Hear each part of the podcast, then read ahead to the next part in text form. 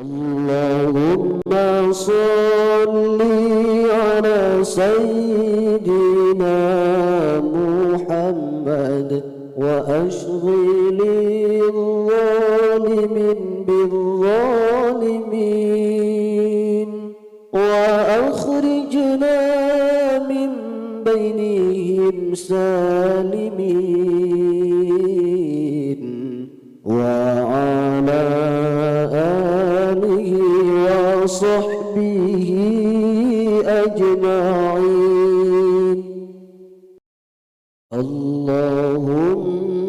اللهم صل على سيدنا محمد وأشغل الظالم بالظالمين وأخرجنا من بينهم سالمين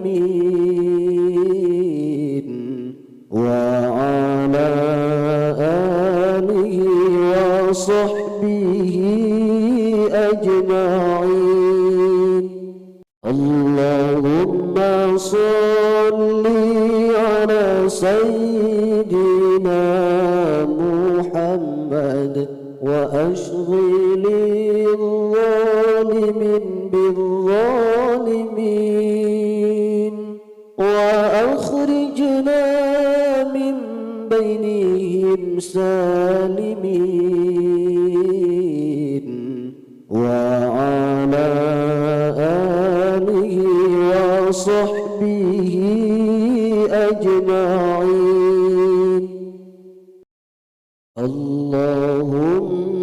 اللهم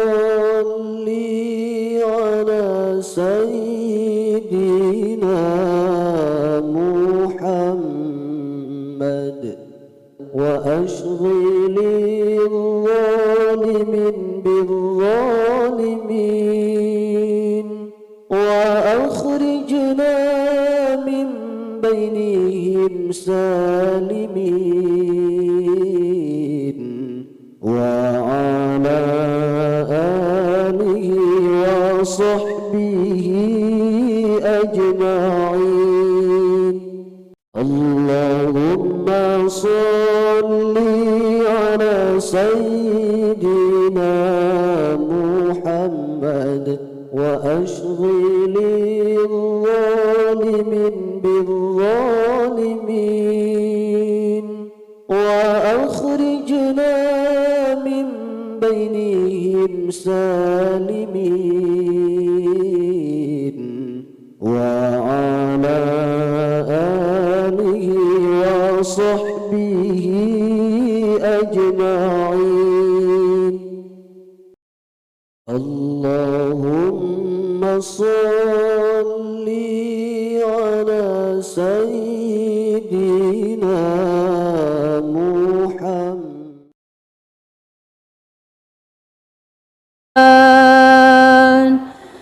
واجعله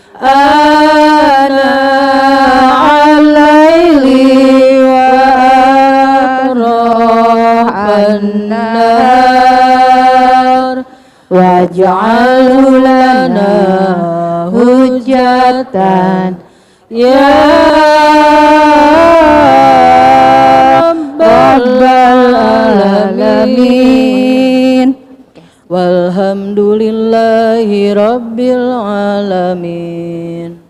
Masya Allah, tabarakallah ya. Eh, bunda-bunda sekalian tadi sudah sama-sama kita dengarkan lantunan ayat suci Al-Quran Surat Al-Imran ayat 7 sampai dengan ayat 9 mudah-mudahan Allah turunkan rahmat kepada teteh-teteh yang sudah membawakan uh, lantunan ayat suci tadi Teh Fatimah dengan eh, Teh Neng ya khususnya dan umumnya untuk kita semuanya. Amin ya robbal alamin. Yang kami hormati Ketua DKM Masjid Alumni, yang kami hormati dan kami cintai eh, pimpinan Bina Nisa Center, eh, Ustazah Ratu Irmawati, yang kami muliakan Ustadz Hilman Fauzi, insya Allah eh, akan hadir di tengah-tengah kita, mungkin saat ini masih di perjalanan. Ya.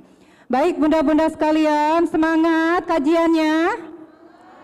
Semangat ya. Insya Allah hari ini kita sama-sama eh, dengarkan eh, sambutan yang akan disampaikan oleh pimpinan Bina Nisa Center sekaligus menyampaikan program apa sih yang ada di Bina Nisa ini. Kok ibu-ibunya suaranya lantang banget ya salawatnya misalnya gitu.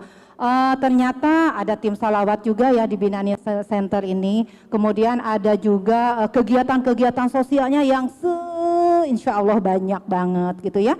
Mangga, untuk selanjutnya mari kita sama-sama dengarkan sambutan yang akan disampaikan oleh uh, Bunda Ratu Irmawati. Tafadol Mas Kuro Bunda.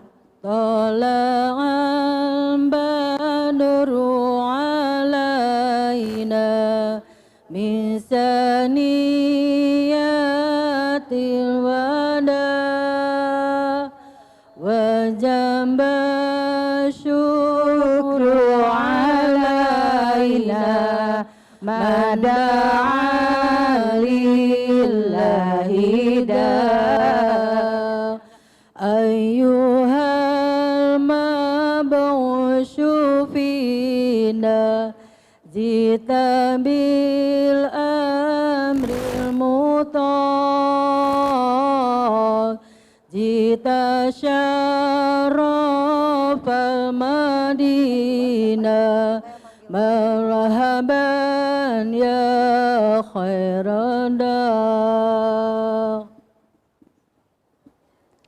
Bismillahirrahmanirrahim. Assalamualaikum warahmatullahi wabarakatuh.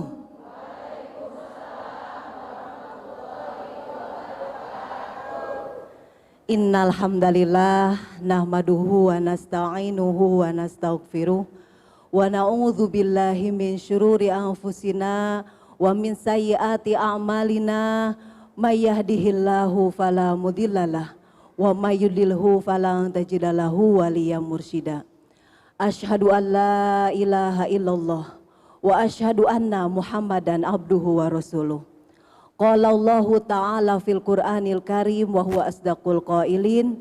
A'udzu billahi minasyaitonir rajim. Bismillahirrahmanirrahim.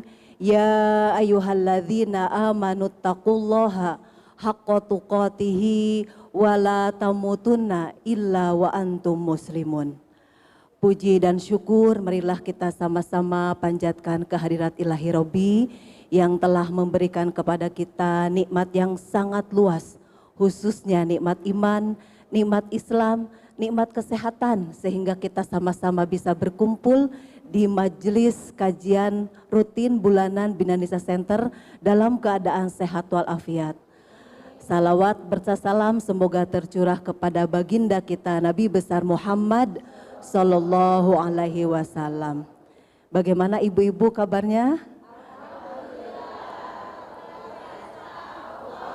Ya, sehat Ibu Sadayana? Alhamdulillah. Menitos rindunya bunya. Kita teh perasaan teh sudah lama kangen sama ibu-ibu pengen ketemu.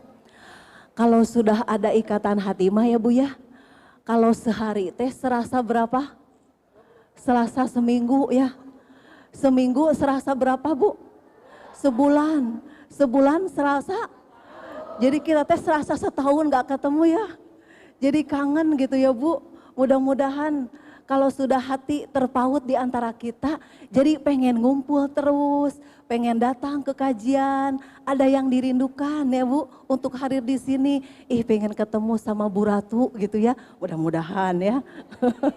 ada yang pengen, ih pengen suasana kumpul dengan jamaah. Nah hadir di sini ya Bu. Nah inilah kalau sudah tercipta rindu, jadi waktu itu terasa lama. Padahal bulan yang lalu saya menerangkan tanda cirinya akhir zaman itu masih ingat nggak Bu? Yang pertama ya takorobul zaman semakin sempit waktu.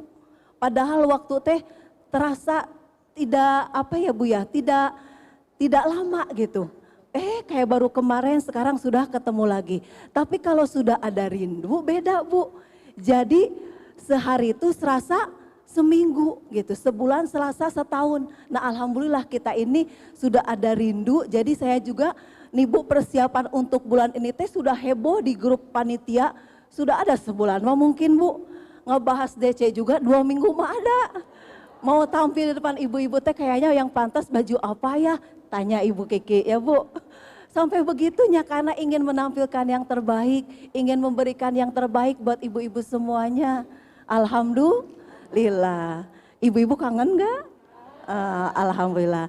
Tak terasa ya ibu, sekarang sudah kita masuk bulan Rajab. Bulan Rajab itu bulan yang disebut dengan husnul istiqdad, sebaik-baik persiapan. Persiapan apa? Persiapan menyambut bulan suci Ramadan. Ada hadis-hadis yang menyebutkan katanya kalau kita puasa satu hari di bulan Rajab maka sama dengan puasa setahun. Ada yang puasa tujuh hari sama dengan dibukakan pintu surga. Delapan hari puasa ditutup pintu neraka. Puasa sehari di bulan Rajab sama juga dicatat 60 hari kebaikan gitu ya. Betul tidak? Sampai orang-orang banyak yang berpuasa. Nah, hadis yang menyatakan tentang tadi Bu ya, itu hadisnya maudu atau palsu gitu. Tidak ada hadis yang sohihnya yang menerangkan tentang ketentuan hadis tersebut. Ya, tapi kita ingin melaksanakan ibadah di bulan Rajab. Boleh tidak? Boleh. Landasannya apa? Nah, bulan Rajab itu termasuk bulan yang istimewa. Kenapa disebut dengan bulan yang istimewa? Karena bulan Rajab masuk ke dalam Ashurul Hurum. Apa itu Ashurul Hurum, Bu? Ada yang tahu? Apa itu, Bu? Ashurul Hurum itu adalah bulan-bulan yang diharamkan oleh Allah. Jadi 12 bulan Hijriah ada empat bulan yang diharamkan oleh Allah. Termasuk di dalamnya tidak boleh terjadi peperangan. Ada empat bulan bu. Apa saja bulan yang empat itu? Yang pertama Ashurul Hurum itu adalah Zul Zul Zul Qodah, Zul Qodah yang pertama. Yang kedua Zul Hijjah, yang ketiga Muharram, yang keempat Rajab gitu. Jadi kalau kita puasa di bulan Rajab adalah sesuatu keutamaan karena bulan Rajab masuk Ashurul Hurum. Tapi kalau kita puasa tadi mendapatkan tujuannya tadi Bu, puasa sama satu hari sama dengan setahun, ditutup pintu neraka, dibukakan pintu surga, dicatat kebaikan, tidak ada dalilnya gitu ya. Tetapi kalau kita puasa dengan tujuan eh, Rajab adalah termasuk Ashurul Hurum, maka itu adalah kebaikan, malah keutamaan. Kenapa seperti itu? Karena baginda Rasulullah Shallallahu Alaihi Wasallam eh, pernah menegaskan tentang ibadah yang lebih baik dilakukan di bulan-bulan yang diharamkan itu adalah tidak ada lain kecuali yang paling baik itu adalah apa Bu? Ibadahnya yang paling baik dilakukan di bulan Asharul Hurum itu adalah memperbanyak pu puasa. Nah, di bulan-bulan itu ya, coba saya tes Julkodah. Puasanya tanggal berapa yang diutamakan? Tahu nggak Ibu? Puasa Zulkodah. Apa keutamaan puasa Zulkodah? Kita nggak pernah ya. Jujur Ibu, suka nggak puasa Zulkodah? Enggak. Julhijjah. Suka ya? Ada apa di situ momennya Julhijjah? Ada puasa puasa Arafah tanggal berapa? Tanggal 9 Ibu, 9 10. Tanggal 9 Ibu puasa Arafah mah. Kalau mau puasa dua hari dari tanggal 8. Tanggal 8 disebut puasa apa namanya? Puasa tarwiyah. Jadi ibu boleh puasa dua hari, delapan tarwiyah, sembilan arafah. Boleh nggak dari awal puasa tambah satu sampai ke tujuh, ditambah delapan tarwiyah, ditambah sembilan arafah, boleh tidak? Boleh bu, memperbanyak puasa di bulan uh, Zulhijjah itu khususnya di bulan Asharul Hurum tadi Bu termasuk bulan-bulan yang diharamkan maka boleh puasa. Kalau di bulan Muharram apa Bu? Keistimewaan puasa tanggal berapa? Tanggal 10. Cuma Nabi mengatakan apabila umurku sampai tahun depan, maka puasaku tidak hanya tanggal 10, tapi tanggal 9 dan 10 akan dua hari gitu ya. Boleh tidak dari awal 1 sampai 8 puasa langsung lanjut 9 10 boleh. Nah sekarang puasa Zulkodah apa Bu? Ayo. Puasa Zulkodah apa? Kan disebut Asrul Hurum. Apa Bu? Puasa Zulkodah itu ya Bu, puasanya seperti biasa kita Senin Kamis.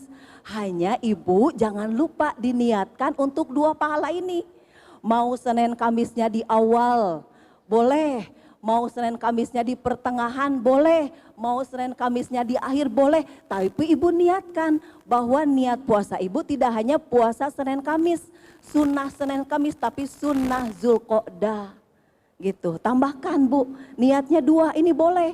Gitu, maka jangan sampai uh, cuma dapat pahala puasa Senin Kamis saja, tapi tambahkan puasa Zulkodah dengan niat Zulkodah. Nah yang keempat adalah puasa Rajab. Apa keistimewaannya bulan Rajab itu? Termasuk Asrul Hurum juga. Karena di situ ada empat peristiwa besar Bu di bulan Rajab ini. Ya ada empat peristiwa besar yang menggemparkan dunia jagat raya. Apa itu Bu? Yang pertama di bulan Rajab itu adalah wafatnya istri baginda Rasulullah Shallallahu Alaihi Wasallam yang bernama Siti Khadijah. Wafatnya di bulan Rajab, Bu. Sehingga ketika beliau wafat, Nabi itu merasa terguncang secara psikologis. Seperti kehilangan gitu ya Bu ya, sosok orang yang melindungi. Ketika Nabi ketakutan di Gua Hiro, maka Siti Khadijah lah yang menghiburnya, yang membesarkannya, yang mendukungnya, malah meyakinkan bahwa Rasulullah akan menjadi seorang rasul dan Khadijah adalah orang yang pertama yang akan mengakui dan mengikutinya. Jadi Nabi tambah yakin gitu ya dengan uh, dukungan psikologis dari Siti Khadijah. Meninggal Bu seperti belahan jiwa. Tidak ada ya Bu, ada yang sudah meninggal suaminya? Ah, bagaimana perasaannya Bu ya? Belahan jiwa hilang gitu ya, seperti itulah pasangan kita tidak ada. Yang kedua di bulan Rajab itu wafatnya paman beliau, paman Nabi. Paman Nabi itu adalah yang bernama Abu Talib. Dia sebagai apanya Nabi? Sebagai backing politiknya Nabi selalu di garda depan kalau Nabi berurusan dengan kafir Quraisy atau para tokoh-tokoh Quraisy kalau ingin berdialog, berdiskusi, ingin bertemu dengan orang-orang Quraisy, maka melalui pamannya ini berdialognya, membuka jalurnya. Nah, wafat Bu. Dan yang Nabi sedihkan pamannya itu wafat dalam keadaan kafir. Sampai Nabi berdoa, "Ya Allah, tidak ada kebaikan sebaik pamanku dalam berjuang membela agamamu ya Allah dibandingkan para sahabatku. Nabi sampai begitu kepada Allah. Tidak ada yang selalu membela paling depan menghadapi orang kafir Quraisy kecuali pamanku itu ya Allah. Tapi Hanya satu kesalahannya ketika menutup mata, nyawa sudah diambil dalam keadaan tidak menyebutkan la ilaha illallah. Malah yang keluar dari mulut pamannya Lata dan Uzza, Tuhan sembahannya. Kata Nabi Muhammad, ya Allah ampuni kesalahannya.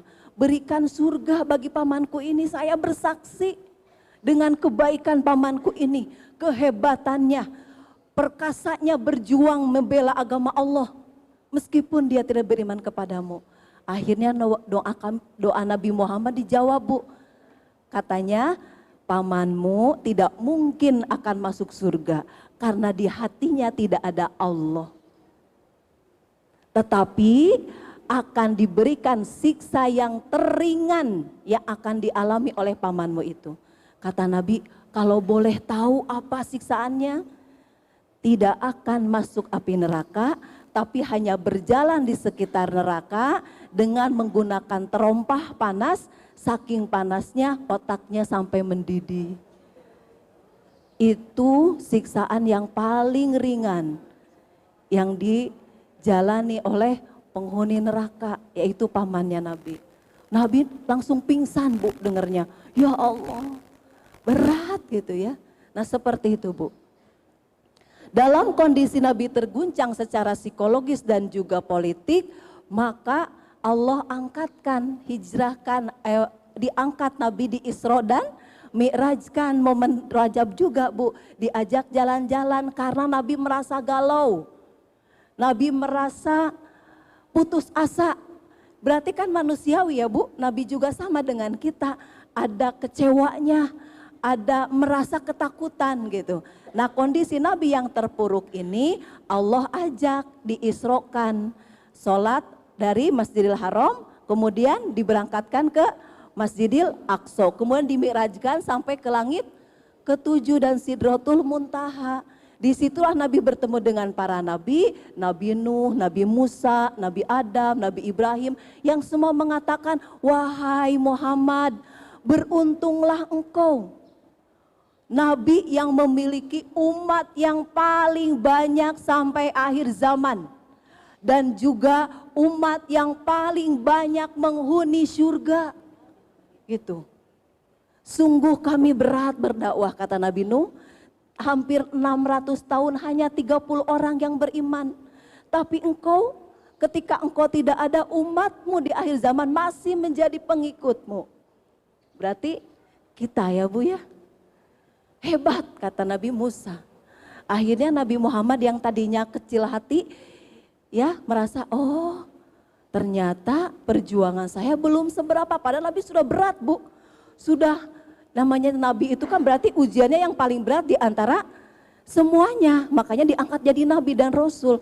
Nah ketika mendengar Nabi Nuh seperti itu Nabi Musa eh Nabi Muhammad merasa ya Allah penderitaan saya berarti masih sedikit. Dakwah saya juga masih belum seberapa dibandingkan lamanya Nabi Nuh. Nabi Musa juga mengatakan begitu. Wahai Muhammad, umatmu akhir zaman tidak ada engkaunya juga masih beriman, masih hadir ke majelis. Aku bawa umatku untuk ke Gunung Tursina, hanya sebentar suruh nunggu zikir aku berhalwat ingin bertemu dengan Allah di Bukit Tursina. Apa yang terjadi Bu setelah keluar dari Bukit Tursina, Gunung Tursina itu ternyata umatnya lagi nyembah sapi. Bagaimana tidak ininya gitu ya Bu ya? Ya Allah, ternyata umatku baru ditinggal sebentar saja sudah kafir. Umatmu hebat nanti wahai Muhammad. Meskipun engkau sudah tidak ada, tapi umatmu masih mencintaimu. Sallu Nabi. Allahumma sholli wassalim wa barik wa ala alaihi. Nah gitu Bu, kita ini masih seperti ini meskipun tidak ada bagian Rasul. Nabi Musa seperti, seperti itu akhirnya Nabi melalui ketika Mi'raj itu sampai akhirnya beban Nabi yang tadi terasa berat menjadi ringan. Makanya ibu-ibu kalau ibu sekarang lagi galau, ibu ada yang galau? Oh ada, cina tuh ngaku. ada yang lagi stres, ayo. Ada yang lagi pusing bayar hutang, ada ibu? Oh ada, pantasan atau ada yang nge-DM ke saya. Ih ibu, bejakan dong. ada yang nge-DM bu. Ibu pak nanti ngisi kajian katanya ya. Tolong atuh cena tagih tah. Ceiro punya cicilan spray tiga bulan lagi. Iya Ceiro. Ih bayar atuh. Ngerakeun Ceiro mah. Sebulan 20 ribu oge. Ih Ceiro mah. Tuh ada lagi. Ceesi. Ceesi tuh. Pang nagihkeun sendal. Cenah tuh. sendal tah. Eh can bayar Ceesi. Ih gara bayar tuh Ceesi ngerakeun. Ceedo hiji deui itu. Cek Ceedo pang nagihkeun cenah eta bayar kue lebaran kamari can lunas. Ih, udah mau lebaran lagi sekarang Ibu, ih Ceedo can bayar. ya Ibu, pasti kita mengalami ke, kepusingan dalam hidup ya Bu. Galau pasti. Nah, solusinya apa? Cari orang-orang yang lebih banyak masalahnya dari kita. Pasti ketika kita eh, sadar dengan masalah kita, mendengar masalah orang lain yang lebih berat, pasti akan isi ibu masih susurian masalah cedo. pasti akan terasa lebih ringan kalau kita mendengarkan penderitaan orang lain. Nah begitu bu caranya. Nah seperti itu Rasulullah ketika di Isra Mi'raj kan jadi beban dakwah yang terasa berat semakin ringan. Yang keempat debu di bulan Rajab itu ada apa momennya? Ada apa bu momen bulan Rajab? Ayo, yang bisa dapat apa bu? Ayo, momen bulan Rajab yang bisa Bu Panitia dapat apa? apa satu lagi? Momen bulan Rajab. Apa Bu? Ya? Saya kasih tahu deh. Yang keempat, perintah resmi untuk umat Nabi Muhammad melaksanakan sholat. Jadi perintah sholat ibu, ini kan momennya rajab ini kita nih. Jadi ketika Nabi Mi'raj diperintahkan oleh Allah sholat, berapa rokaat bu? Nabi memimpin para nabi dan rasul itu bukan Nabi 25 bu. Nabi ngimamin para nabi dan rasul itu kurang lebih 124 ribu. Di langit bu, ngimamin sholat sampai 50 rokaat. Nah ketika akan diputuskan, Nabi minta berunding dengan para nabi. Wahai para nabi yang sudah teruji gitu ya, kira-kira umatku sanggup nggak kalau diberikan perintah sholat 50 rokaat? Ibu sanggup? Nah, kata nabi yang lain juga enggak bakalan. Nanti teh udah riwuh sama anak ya bu, sama suami, pabelit, jeng ah, arisan dan lain sebagainya. Jadi diringankan dua rokaat subuh, empat duhur, empat lagi asar, tiga maghrib, empat isya. Jadi jumlahnya berapa rokaat? 17 rokaat. Kalau begitu sedikit kata Nabi. Tapi jadikan sholat-sholat yang lain sebagai sunnah. Yang pahalanya bisa berbeda dari pasal eh, apa sholat wajib tetapi memiliki keutamaan. Kalau di jumlah jamleh jumlah jamnya bahasa naon ya. Kalau dijumlahkan bisa jadi sholat kita sehari 50 rokaat bu. Ya sholat wajib 17 rokaat ditambah duha 2 rokaat ditambah suruk 4 terus qobliyah ba'diyah sehari semalam berapa kali? Ya. Nah, terus tahajud, terus lagi witir, bisa jadi jumlahnya sehari itu berapa? 50 rokaat. Jadi itu jadikan keutamaan buat umatmu. Jadi umatmu merasakan pahala yang istimewa juga selain sholat fardu gitu. Jadi berlomba-lomba yang terpilih gitu, yang rajin melaksanakan sholat ini, yang terpilih yang ujiannya sudah uh, sudah mau melewati itu semakin banyak ibadahnya gitu. Nah akhirnya 17 rakaat ditentukan di bulan Rajab sebagai ketentuan bagi umat Islam melaksanakan ibadah sholat. Ya Bu, itulah resminya bulan Rajab. Maka pada hari ini kita sama-sama berkumpul, tidak ada lain ya Bu. Di bulan Rajab ini ingin apa? Ingin segala sesuatu menjadi amal soleh buat kita semuanya. Karena tidak ada lain di dunia itu kecuali mencari apa Bu? Amal soleh. Untuk apa amal soleh itu? untuk bekal kita karena di akhirat nanti tidak ada yang lain kecuali yang berlaku itu adalah amal soleh duduk ibu, kaki ibu, tangan ibu semua jadi saksi karena nanti mulut diam bu tidak berbicara kalau sekarang rame nanti bisa berkelit ya bu bisa seribu bahasa dari mulut ini bisa bersilat lidah kalau nanti mah kata Al-Quran al yauma nakhtimu ala afwahihim wa tukallimuna aidihim wa tashhadu arjuluhum bima nu yaksibun. Surat apa eta? Ayat Surat favorit ya Bu ya, jadi hafal gitu ya. Nah, itu tuh surat Al Yasin ayat 65 yang kata Allah artinya pada hari itu nahtimu ala afwahihim. Ditutup mulut-mulut mereka. Watu kalimuna aidihim tangan mereka nanti yang berbicara. Nih bu tangan kita nanti nyatet enggak? Ibu bawa catatan? Nah catat ya bu ya nanti jadi saksi kita nih.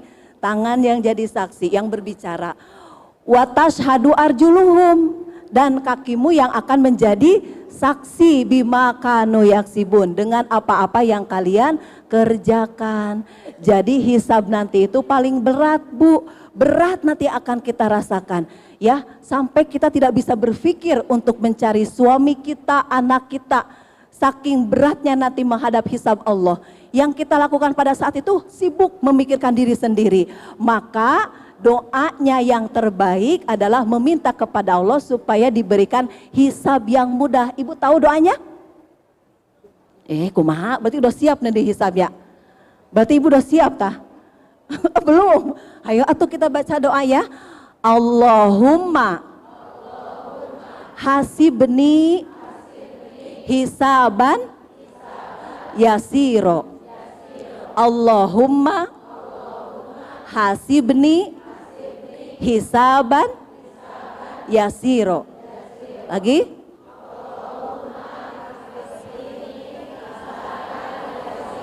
Artinya? Ya Allah. Ya. Hisablah aku hisaban yasiro dengan hisab yang mudah. Gitu Bu, jadi lewat gitu Bu, ku malaikat lewat gitu ya. Karena kita sering berdoa itu. Baca itu setiap hari Bu. Lagi Bu?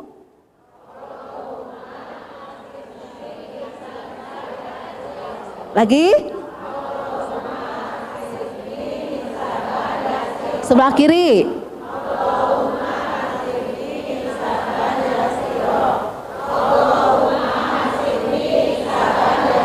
Iya, alhamdulillah.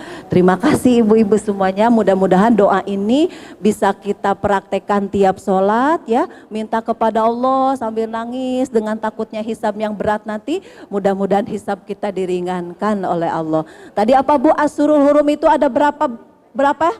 Empat. Yang pertama Zulqodah. Yang kedua, yang ketiga, yang keempat Ya bulan Rajab ini kita perbanyak puasa dengan tujuan tadi Bu termasuk Asurul Haram.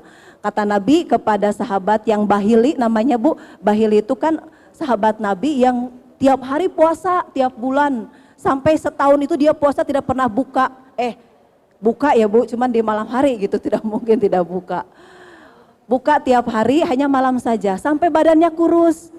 Kata Nabi, puasalah kamu uh, kenapa kamu menyiksa diri kamu sendiri? Lima azab sanapsa, kenapa kamu menyiksa diri kamu sendiri? Sum sahrul sober, puasalah kamu di bulan sabar atau bulan Ramadan. Wa min kulli syahr dan satu hari saja setiap bulannya. Gitu kata Nabi Bu.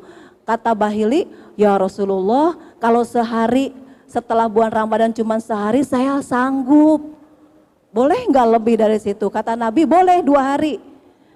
Ya Rasulullah, saya juga masih sanggup kalau dua hari mah boleh nggak lebih? Kata Nabi, boleh tiga hari.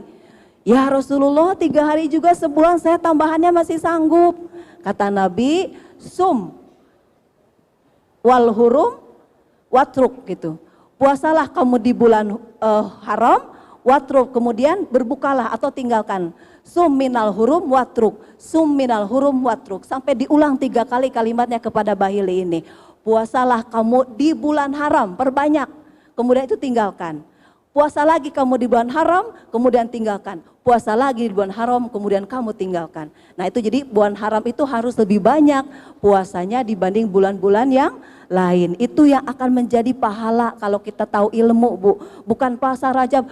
Kata siapa ibu diampuni dosanya setahun. Katanya sama dengan puasa setahun itu pokoknya mah ada dah. Ah, dari mana ya? Ada lah pokoknya mah dari orang tua kita. Nah itu mah tidak sohi ya bu. Nah kalau kita hadir ke majelis jadi tahu ilmunya. Jadi kita mengamalkan eh, sesuatu berdasarkan ilmu yang pasti pahalanya sudah jelas kita akan dapatkan. Nah itu ya Bu di bulan Rajab keutamaannya. Baik Bu, sebelum Ustadz Hilman sebentar lagi sedikit saya akan menjelaskan tentang Binanisa Center. Barangkali ibu-ibu teh makhluk apa Binanisa Center teh? Di sana teh ada apa gitu ya Bu ya? Enggak bisa besar. Nah ini Bu, Binanisa Center itu lahir dari di bawah naungan Yayasan Bidik Global. Nama yayasannya bukan Binanisa Center Bu, tapi Yayasan Bidik Global. Bidik Global itu singkatan dari Bina Insan Terdidik. Jadi bidik gitu ya, bina insan terdidik global. Maksud global itu apa? Inginnya mendunia, Bu. Gitu ya Binanisa Center teh inginnya tidak hanya di Indonesia dikenalnya tapi juga mendunia. Makanya punya cita-citanya besar. Bina insan terdidik se bisa men mendunia gitu ya. Nah Binanisa Center itu salah satu uh, unit di bawah bidik global. Terus Bu Erna nah ini visinya mewujudkan masyarakat Qurani yang terdidik berbudi luhur madani dan mandiri Nah ini ya Bu ya visi Binanisa, eh, visi masih bidik global ya Bu.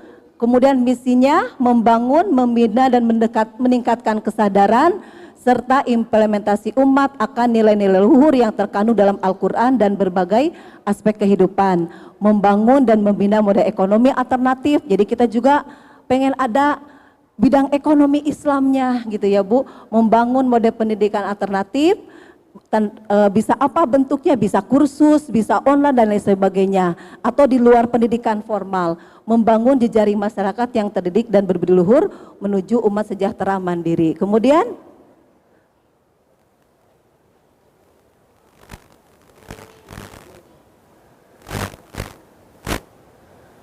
yang keempat, ini strategi, lembaganya seperti ini mensosialisasikan dan memudayakan, membangun dan membina gerakan. Uh, inilah program kami itu bikin namanya komunitas bidik 9M gitu ya. 9M itu bukan 9 miliar ya Bu, tapi pengen juga ya 9 miliar. Tapi M itu komunitas menulis Quran, membaca Quran, menerjemahkan Quran, mentafsirkan Quran, mentadaburi Al-Quran, apalagi ya Bu? menghafal Al-Quran, apalagi mendakwahkan Al-Quran, di situ memasyarakat Al-Quran dan mengglobalkan Al-Quran gitu ya. Jadi M itu identik dengan 9M itu adalah Al-Quran tujuannya gitu ya. Untuk meraih 9M tadi Bu tujuannya. Terus Nah salah satu programnya adalah Diklatkur Pendidikan, Pelatihan, dan Kursus. Nah Bina Nisa Center ada di dalamnya. Nah ini BNC ini bagian dari program Diklatkur Pendidikan, Latihan, dan Kursus. Jadi Bina Nisa Center itu fokus ke mana? Ke sini Bu, belajar tasin, tajwid, tamiz, tafsir, tafid, kemudian juga ada Binanisa Store lewat koperasi Binanisa Care Binanisa Peduli dengan program sosialnya, Binanisa Education dan Training Center, dan Binanisa Peduli program-program uh, kemanusiaan. Ada lagi, Terna? Nah ini kegiatan kita nih Bu, Sanlat Ramadan di Desa Ujung Genteng. Setiap Ramadan sudah tahun kelima kita nih Bu, di sana kita kumpulkan anak yatim, kita bikin sanlat di hari 10 terakhir Ramadan. Kita bikin sanlat mereka, kita kumpulkan anak yatim, diberikan pembekalan agama eh, bagi anak-anak eh, santri sana. Kemudian ini kegiatan menulis Al-Quran, di Kebun Raya kita pernah mengadakan tahun 2013 itu dihadiri oleh 4.000 peserta Bu. Itu sampai kita menyelesaikan kalau tidak salah 6 mushaf ya, 6 mushaf Al-Quran. Karena satu lembar satu lembar Bu dari 4.000 orang itu menuliskan. Alhamdulillah satu hari itu hatam 6 Quran. Itu karena satu Quran itu ada 600 kurang lebih 600 halaman. Jadi kita kumpulkan 4.000 orang menulis Al-Quran. Mau Ibu? Mau ya biar tangan kita jadi saksi Bu. Nanti kan tangannya akan jadi saksi. Kita 4.000 orang Bu mengumpulkan di kebun raya. Terus kemudian Terna, nah ini menulis Quran ya Bu, masih di kabupaten juga kita pernah mengadakan dihadiri 2.600 orang. Lebih banyak di kebun raya 4.000 Bu waktu itu. Ada lagi Terna? Nah ini menulis Al-Quran, ini pelatihan jurnalis, kita juga ingin memberikan pelatihan kepada ibu-ibu juga supaya, supaya paham media sosial. Nah ini pelatihan jurnalis kita di Hotel Salak. Ada lagi Terna? Nah ini kemanusiaan. Dengan adanya COVID ini kita banyak yang terdampak. Jadi kita punya program yang namanya Jumat Berkah. Jumat Berkah itu kita berikan mulai dari sembako, makanan ya, Eh, karena sekarang sudah mulai kembali ekonomi rada bangkit, jadi Jumat berkah kita ini bentuknya adalah mencari tempat-tempat atau pelosok-pelosok Bu. Jadi bukan sekedar di kota Bogor, tapi mencari kalau sekarang ada pesantren yang terdampak Bu. Banyak orang tuanya yang tidak bayaran karena terdampak COVID ini. Sampai untuk makan santri saja tidak ada. Nah kita support Bu, datang ke, Tendo, ke Tenjolaya pesantren ya, kita memberikan sedekah, kemudian kita datang lagi ke pesantren pelosok di Surade. Kemarin kita ke Sukabumi ya Bu, ada pembangunan pesantren gratis yang sudah hampir roboh. Kita datang ke sana. Nah, kegiatan sosial kita e, membantu mereka, gitu ya. Lanjut. Nah, ini seminar-seminar dan kajian tentang bagaimana menangani waktu itu bencana karena banyaknya bencana alam. Nah, ini kita jalan-jalan ke Padang Bu, ada wisata religinya ke Dinia Putri Padang Panjang, ini ke Cirebon, ada lagi ke Kota Gede Jogja, sekaligus uh, wisata religi, sekaligus ujian Quran gitu ya. Jadi bukan hanya sekedar jalan-jalan. Nah ini ketemu Diniah Putri Bu pesantren tertua khusus putri di Indonesia itu adanya di Diniah Putri Padang Panjang yang umurnya sudah 95 tahun. Itu hebat kalau dengar cerita pejuangnya dulu, berjuangnya luar biasa. Uh, nah ini korban bencana waktu itu di daerah Cicurug ya. Nah kita datang ke sana Bu dari Jumat Berkah, kita kumpulkan, kita datangi, kita bantu mereka, kita berikan logistik. Kemudian Teh Erna, nah ini tempat belajar kita Bu, ini belajar tafsir, kita membahas tafsir Quran uh, dengan ibu-ibu uh, berdasarkan tema. Ada lagi? Nah, ini murid-muridnya. Ada lagi? Nah ini kemarin kita ringlah videonya nggak bisa diputar.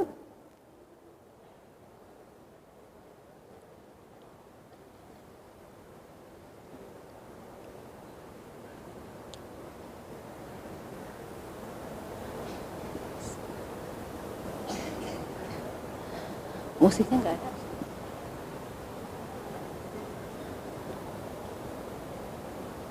Musiknya nggak ada, Bu. Musiknya.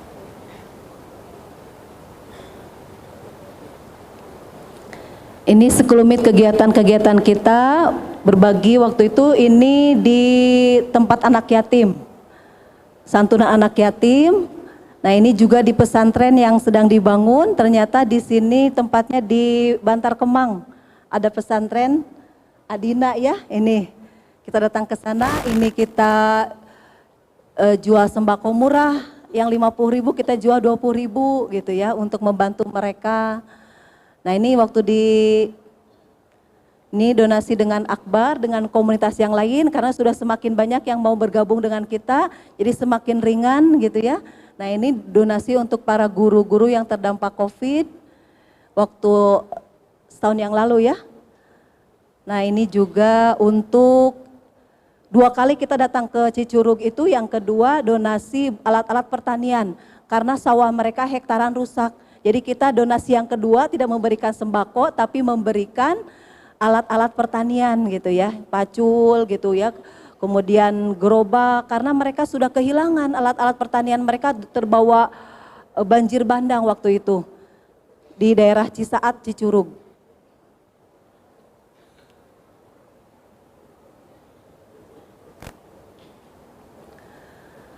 Nah, itulah sekelumit kegiatan kita ya Bu ya yang alhamdulillah masih berjalan sampai saat ini. Nah, mungkin barangkali ibu-ibu mau jadi bagian dari kita mau ikut gabung mangga Ibu. Jadi kita abring-abringan gitu ya. Ibu mau ikut ah pengen resep nih anjing buratu banyak jalan-jalan wah aya ke Padang, aya ke Cirebon, aya ke itu gitu ya. Meskipun kita berdonasi tapi sambil menikmati Bu, kayak kemarin kita nggak sengaja karena tinggal 18 kilo lagi ke ujung gente jadi deh main setelah memberikan sumbangan ke pesantren yang akan yang sudah hampir rubuh tadi ya Bu ah lumayan deh ada satu hari kita jalan-jalan menikmati pemandangan sambil tadabur alam gitu ya. Sampai ke puncak Dharma, ke pelabuhan itu sambil pulang Bu.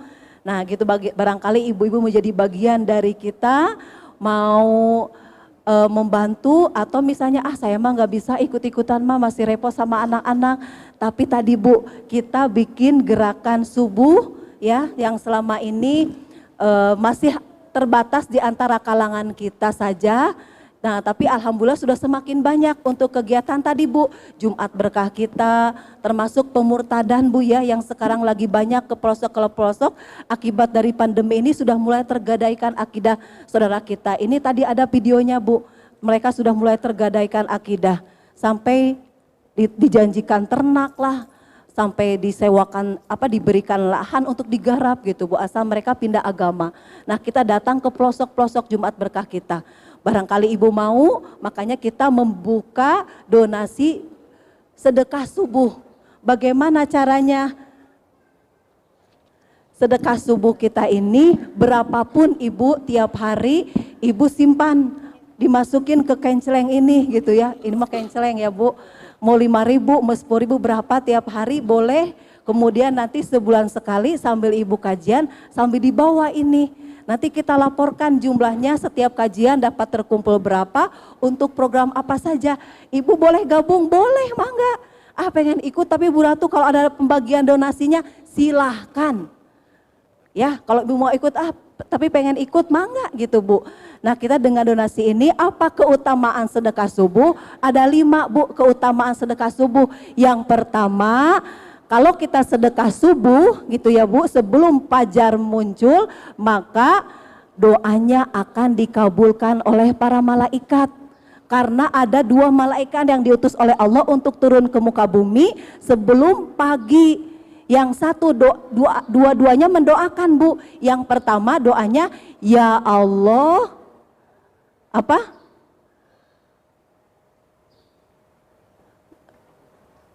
Kabulkan Doa orang yang sedekah pada pagi hari ini. Limpahkan keberkahan kepadanya. Kata malaikat yang satu. Malaikat yang satunya lagi berdoa, Ya Allah binasakanlah orang yang bakhil pagi hari ini. Gitu. Ya, jadi ada dua malaikat. Berarti kalau kita tidak sedekah subuh, takutnya jadi orang yang bahil. Jadi kayak doa yang malaikat yang satunya, pada satunya lagi mendoakan supaya Allah muliakan, Allah berkahi orang itu. Nah yang kedua, keutamaan sedekah subuh itu adalah dikabulkan segala doanya. Yang ketiga, yang ketiga menjadi sebab kita masuk surga gitu ya bu kan masuk surga itu amalan yang tidak mesti harus banyak gitu ya tapi yang berat-berat tetapi harusnya bertahap tetapi istiqomah, rutin gitu. Salah satu sedekah ini adalah e, bentuk kita rutin ibadah dalam rangka ingin meraih surganya Allah. Yang keempat, keutamaan sedekah subuh itu mendapat naungan di hari kiamat. Kita mendapatkan naungan di hari kiamat, eh, dapat perlindungan dari Allah Subhanahu wa taala. Dan yang kelima, yang kelima apa tuh?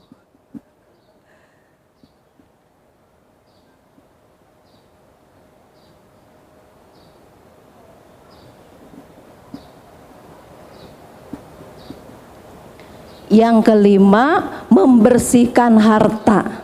Ya. Jadi ada keutama ada lima keutamaan sedekah subuh. Yang pertama itu doanya akan didoakan oleh para malaikat, itu yang pertama. Yang kedua, dikabulkan doanya. Yang ketiga, membersihkan harta. Yang keempat, salah satu kunci untuk masuk surganya Allah dengan bersedekah. Dan yang kelima, menjadi penaung pada hari kiamat. Nah mudah-mudahan eh, Alhamdulillah kita dengan beberapa teman komunitas Bina Nisa Center sudah melaksanakan sedekah subuh yang tadi program-programnya sudah kita lihat bersama. Mungkin di antara jamaah yang ingin menambah lagi gitu ya atau memberikan support kepada kita silahkan bisa Boleh dibantu ya Bunda? Iya, mangga. Iya. Ya, eh, luar biasa ya tadi keutamaan sedekah subuh Bunda. Eh, itu kami memang sudah melaksanakan ya Bina Nisa, bukan kami ya. Kita ya Bunda. Iya. Bina Nisa Center sudah melaksanakan apa yang tadi Bunda sampaikan yaitu eh, program sedekah subuh gitu ya. Eh, ini ada berapa miliar ya Bun isinya? Oh, berapa miliar? ini eh, ini ada testimoni saja salah satu eh, dari anggota yang sudah ikut berpartisipasi atau gabung dengan gerakan subuh di Binanisa Center. Nah, buat bunda-bunda yang ingin bergabung juga, mau kan bunda pastinya ya masuk surga lebih cepat? Mau, eh suaranya kok nggak semangat banget, maunya cuma satu orang. Mau? Oh ya mau, nah gitu dong semangat ya. Mau pastinya gitu ya, impian kita, it's my dream masuk surga itu ya bunda ya gitu. Tapi apa kita ininya, apa tuh namanya actionnya tuh kayak, kayak gimana gitu ya. Pasti insya Allah bunda-bunda di rumah itu banyak sekali melakukan kebaikan-kebaikan tabungan akhirat. Tapi ayo kita eh, tambah terus, tambah terus kebaikannya gitu ya. Bagi yang ingin, mangga kita eh, sudah siapkan tim yang ingin bergabung dengan gerakan subuh ini. Eh, ada formulir yang bisa bunda-bunda isi. Nanti tim kami akan membagikan bagi yang ingin ya, bagi yang ingin sama-sama gabung nanti ketemu insya Allah di akhirat sama-sama ketemu lagi kita karena kita sama-sama berbuat kebaikan. Bagi yang ingin mangga, tim kami akan menyebarkan eh, formulir ya untuk diisi, diisi oleh bunda yang berkenan. Tapi yang tidak juga nggak apa-apa, kita nggak maksa ya, kita tidak ada paksaan dari pihak mana pun. Mangga diiringi salawat Bu Kiki ya, biar enak gitu. Suara Bu Kiki kan enak, ya. Mangga.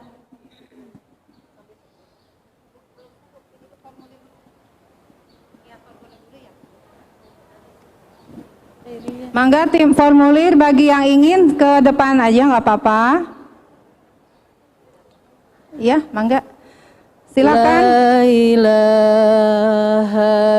Bagi yang mau, silakan. Al-Malikul Hakul Mubin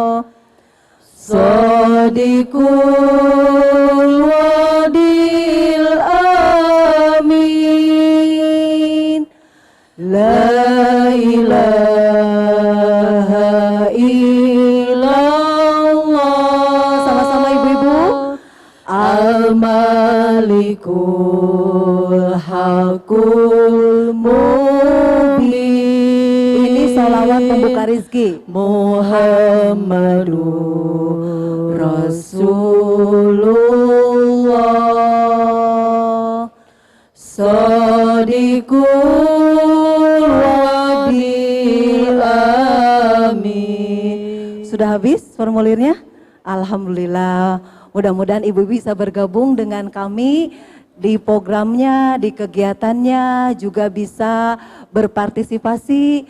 Kita punya beberapa kegiatan yang nanti insya Allah Ibu juga bisa ikut abring-abringan dengan kami sehingga kami punya slogan bersama kalian apa Bu? Iya, bersama kalian aku cenghar katanya Bu. Karena jalan-jalan lagi, ke pelosok lagi, cari orang-orang yang eh, tergadaikan akidahnya, kita bantu gitu sampai ibu-ibu tuh merasa menunggu lagi kapan Bu Ratu kita eh, cari daerah-daerah yang eh, rawan kemiskinan gitu ya. Sampai kita itu nangis ada gitu Bu, bahagia ada, sedih ada, tertawa ada gitu campur aduk. Nah di sinilah bagaimana eh, rasanya kami sudah ke pelosok ke pelosok dan itu oh masih ada lagi nggak bu masih kekurangan oh banyak yang mau katanya. Ini bu kita bagikan 100 itu karena kencelengnya juga hanya ada 100 dulu gitu. Barangkali nanti eh, kegiatan berikutnya atau bulan berikutnya nanti kita adakan lagi gitu ya. Karena masih terbatas baru 100 kemarin kita bikin 200 sudah habis gitu ya. Makanya baru terbatas. Nanti kita siapkan lagi. Ada lagi? Masih ada? Oh ini mau tuh bu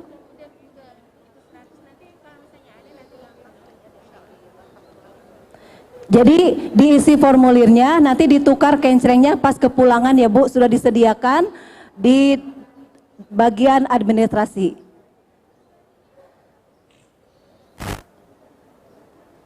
Mudah-mudahan jalan bersama-sama ke surganya Allah Amin, ya. melalui pintu sodako. Nanti Ibu bisa gabung ke tim solawatnya Bina Nisa, boleh. Nanti pimpinan Bu Kiki, nanti ada pertemuannya, kita latihan solawat gitu Bu ya. Nanti ada belajar terjemahnya juga, ada belajar tafsirnya gitu ya. Nanti silakan ibu-ibu bisa mencari info lagi lebih banyak. Nah itu saja mungkin ya Bu eh, yang bisa disampaikan karena sudah eh, waktu sudah menunjukkan setengah sepuluh. Ustadz Hilman juga sudah datang. Kita tutup pertemuan kita pada pagi hari ini. Mohon maaf apabila kesalahan. Allahi tawakalna wa ilahil masir. Wassalamualaikum warahmatullahi wabarakatuh.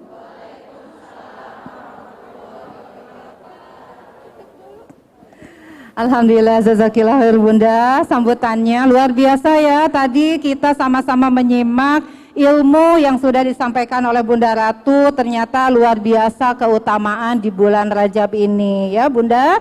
Baik eh, Ya, alhamdulillah eh, kita lanjutkan eh, apa tadi yang sudah disampaikan oleh Bunda Ratu, salah satunya tentang sedekah pastinya. Kita insya Allah semuanya tahu wajah-wajah Bunda ini wajah-wajah yang apa namanya ya, eh, selalu rindu akan kajian gitu ya, selalu rindu akan kebaikan-kebaikan gitu ya. Tadi salah satunya Bunda menceritakan tentang eh, keajaiban atau keutamaan sedekah. Ya, kita sama-sama tahu ada dalam Al-Quran surat Al-Baqarah ayat 245 yang artinya siapakah yang mau memberi pinjaman kepada Allah pinjaman yang baik maka Allah akan lipat gandakan yang banyak gitu ya bagi kita atau semua yang gemar bersedekah. Mari bunda-bunda sekalian eh, kami dibantu tim sunduk untuk eh, menyediakan atau mempersiapkan eh, infak terbaiknya. Mudah-mudahan dengan eh, infak saya ingat Ustadz Dadang pernah ceramah ya di mana ya? Oh di acara kami kebetulan ada yayasan namanya Yayasan SMP eh, Yayasan Adina kebetulan di bawahnya ada SMP Adina berbasis pesantren. Jadi Bunda kebetulan sekalian promosi ya boleh daftarkan putra putrinya ke Jalan Katulampa. Pernah uh, Ustadz Dadang itu mengisi tentang uh, kajian ya kajian uh, sekaligus tentang uh, sedekah gitu. Jadi Eh, katanya kalau misalnya sedekah kita 5 ribu, apa 10 ribu, nanti di akhirat itu eh, lampunya itu 5 watt gitu ya Bunda ya. Pernah nggak Ustaz Dadang dengar begitu? Kalau kita misalnya 20 ribu, 50 ribu, lampunya lamun neon yang terang benderang, luar biasa. Mangga silakan Bunda disiapkan eh, infak terbaiknya sambil diiringi sholawat. Allahumma salli ala sayyidina Muhammadin qulubi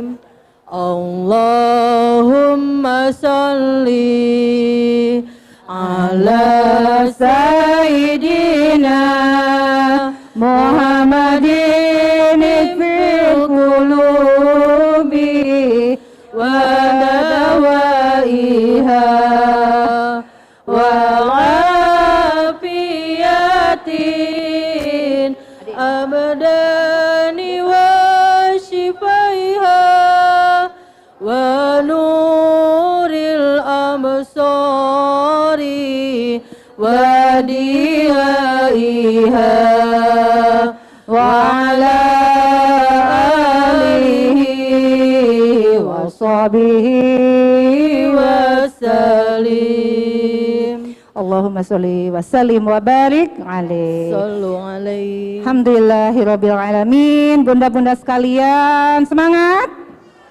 Mana suaranya? Siap menyimak kajian yang akan disampaikan oleh Ustadz Hilman? Iya, pasti dong ya. Eh, kalau apa namanya? Kalau bunda-bunda wajahnya udah kelihatan, apalagi eh, eh, apa namanya yang bulan kemarin ya, yang hadir bulan kemarin di kajian Bina Nisa, cung coba cung cung cung. Oh ya angkat tangannya, ada ya. Jadi kemarin kan kebetulan kita temanya layangan putus ya. Tapi sudah insya Allah sudah disampaikan juga dalam kajian yang berbeda oleh Ustadz Hilman. Eh, kali ini eh, kajian kita temanya adalah apa tadi ya? Rahasia ketenangan hati Rahasia ketenangan hati. Mau tahu rahasianya? Mau tahu aja apa mau tahu banget? Oh banget Mau tahu banget. Mangga silakan stopnya atau eh, yang masih di luar boleh biar dekat eh, ceramahnya biar kedengaran gitu ya, ilmunya biar terserap eh, maksimal gitu ya. Yang Bunda masih di luar, masih ada space nih di samping kiri, boleh samping kanan aku nih. Mangga di samping sini yang di luar boleh silakan Bunda naik aja, eh, naik aja, nggak naik apa ya namanya? boleh lewat jendela deh. Bunda silakan ini masih kosong loh, ya. Mangga silakan yang ingin eh, lebih dekat oh, supaya ilmu kita eh, menyerapnya eh, apa namanya? Bukan cepat, apa ya namanya ya? Maksimal gitu ya. Mangga silakan. Baik, bunda-bunda yang dirahmati Allah, eh, kita menginjak di acara yang kita sama-sama tunggu, yaitu sama-sama mendengarkan tausiah yang akan disampaikan oleh Al Mukarram Ustadz Hilman Fauzi. Alhamdulillah, Ustadz udah sampai belum ya? Alhamdulillahirabbil alamin ya. Eh, kami persilahkan kepada Al Mukarram Ustadz Hilman Fauzi eh, untuk memberi- menyampaikan tausiahnya. Tafadol.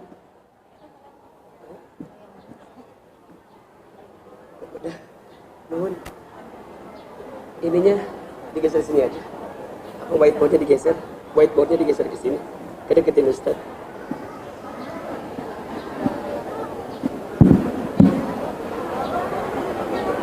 Ya, coba. Cek. Sallallahu ala Muhammad Sallallahu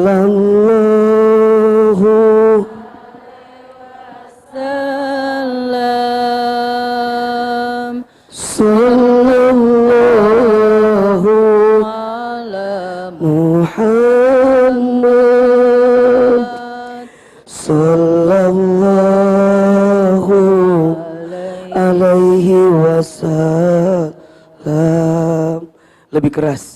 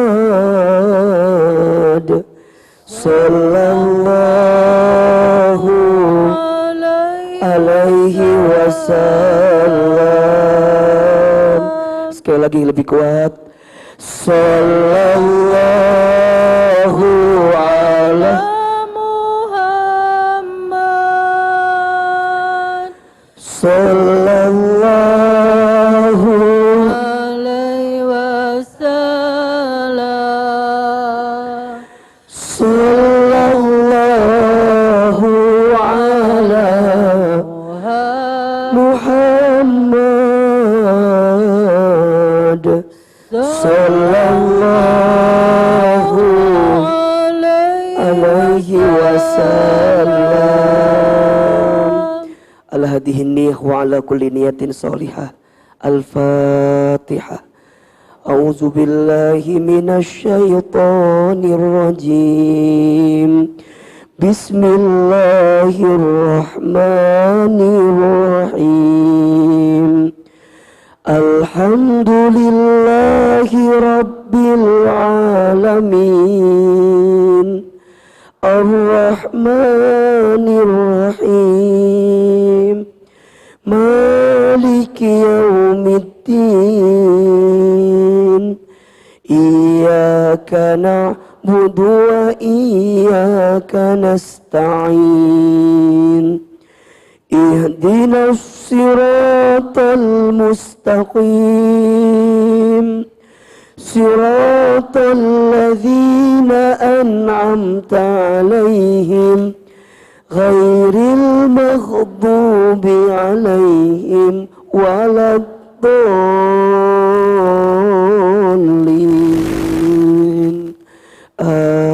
Amin Sama-sama kita baca doa khatmil Quran. Allahumma arhamna واجعله لنا إماما.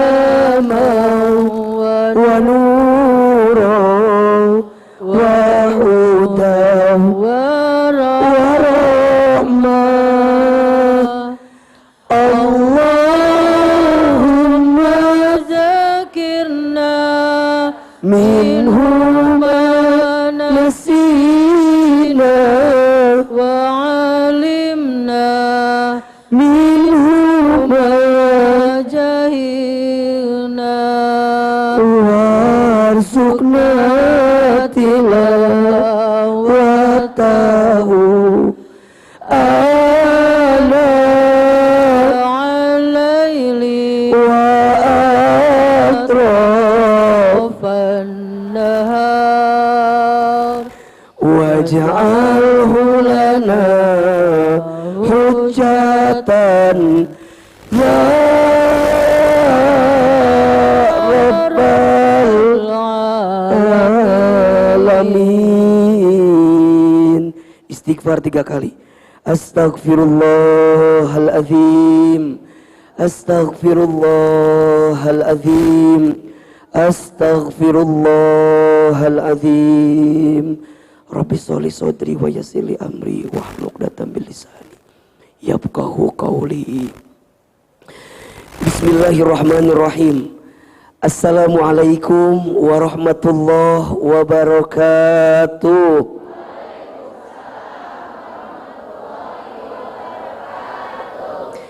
Subhanallahi wa bihamdihi Subhanallahil azim. Adada khalqihi wa ridha nafsihi Wa zinata arshihi wa midada kalimatihi Ashhadu an la ilaha illallah. Wa ashhadu anna muhammadan abduhu wa rasuluh. Allahumma salli wa sallim ala rasulillahil karim. Sayyidina wa syafi'ina wa maulana Muhammadin Sallallahu alaihi wasallam. Wa ala alihi wa ashabihi Wa man tabi'ahum bi ihsanin ila yaumiddin Rabbi a'udzu bika min hamadzati syayatin. Wa a'udzu bika rabbi an yahdurun Subhanaka la ilma lana illa ma 'allamtana. Innaka antal alimul hakim. La haula wala quwwata illa billahil aliyil azim. Sadaqallahul azim wa sadaqa rasuluhul karim. Amma ba'du yang sama kita hormati dan kita muliakan guru kita semua Ustazah Ratu selaku pimpinan dari Binanisa Center dan seluruh pengurus Majelis Taklim Binanisa Center kita doakan semoga Allah istiqomahkan dalam kebaikan. Bunda, Teteh, sayang, apa kabar semuanya sehat? Ini pada puasa semua ya? Apa kabar semuanya sehat? Sehat badannya? Sehat keluarganya? Sehat kantongnya? Tanggal berapa sekarang teh? 21 ya. Masya Allah. Memang kalau tanggal 21 kelihatan sekali ya. Alhamdulillah. Tidak ada kata yang pantas kita ucapkan mengawali pertemuan ini kecuali kita bersyukur kepada Allah Subhanahu wa taala dengan mengucapkan kalimat alhamdulillah. Alhamdulillah. Segala puji bagi Allah, segala bentuk syukur kita panjatkan kepada Allah yang pada kesempatan Senin pagi ini Allah masih melembutkan hati kita, meringankan langkah kita dan memberikan kesempatan kepada kita untuk hadir di majlis ilmu. Mudah-mudahan setiap langkah kita ke tempat ini menghapuskan dosa-dosa kita. Mudah-mudahan hadirnya kita ke tempat ini mengangkat derajat kita. Dan jika ada di antara bunda, teteh sayang yang sedang punya masalah, semoga Allah tunjukkan jalan keluar terbaiknya. Amin, amin, ya Rabbal Alamin. Alhamdulillah, senang sekali Ahilman hari ini bisa kembali bersilaturahmi dengan bunda teteh semua. Hanya mohon maaf ya, suara Ahilman lagi serak-serak basah begini. Karena Hari Minggu kemarin Ahilman ngisi di tujuh tempat. Kemudian tadi pagi mungkin ada yang menyaksikan baru selesai live di Trans TV. Di TV sama asli bagusan mana? Serius ini teh. Di TV mau pakai masker ya. Jadi nggak kelihatan ya. Bajunya bagus apa enggak? Ustaz mah takut bunda teh salah fokus ya. Tadi ada yang ngedenger ngebisik, eh si bajunya meni bagus banget katanya. Masya Allah ya. Alhamdulillah. Summa alhamdulillah. Mohon maaf kalau suara ahilmannya kurang enak didengar. Enak gak didengarnya? Kalau serak gini lebih lebih ini ya. Lebih romantis ya. Apalagi kalau Ahilman manggil sayang tuh meni asa jelek banget gitu ya. Jadi nggak usah manggil sayang lagi sekarang mah ya. Masya Allah. Baik. Bunda yang dirahmati Allah kita langsung saja. Kita hari ini akan bicara. Mohon izin Ahilman berdiri boleh? Biar kelihatan bajunya ya. Baik. Hari ini kita akan belajar tentang rahasia ketenangan hati. Rahasia ketenangan hati. Baik. Sekarang saya mau bertanya. Bunda, punya hati yang tenang itu penting atau tidak? Penting. Kenapa penting? Kunaon? lunas hutang jadi kena hutang iya teh ini belum kena hutang jadi kena hutang ah, kenapa kita penting membahas tentang ketenangan hati karena hati yang tenang itu akan mengantarkan kebahagiaan hidup betul apa betul semua yang kita dapatkan dalam hidup akan terasa jadi kebahagiaan kalau kita merasakannya dengan ketenangan hati. Iya apa ya? Maka kata Nabi, hati itu menjadi indikator kebaikan dalam tubuh manusia. Dalam diri manusia ada segumpal daging kata Nabi. Yang jika segumpal daging ini baik, baik seluruhnya. Tapi jika segumpal daging ini buruk, maka buruk seluruhnya. Aa, apa segumpal daging itu? Ala wahyal qalb. Segumpal daging itu namanya adalah hati. Betul? Hati kita tenang, kita bicara juga akan baik. Betul? Bunda, kalau mau lihat orang, hatinya baik atau tidak, lihat aja bicaranya. Lihat aja yang terucap di lisannya. Karena kata Imam Ghazali rahimahullah, lisan itu etalasenya hati. Jadi hati kita akan tergambar seperti apa tergantung bagaimana lisannya. Betul? Bunda misalnya punya teman namanya Ceida.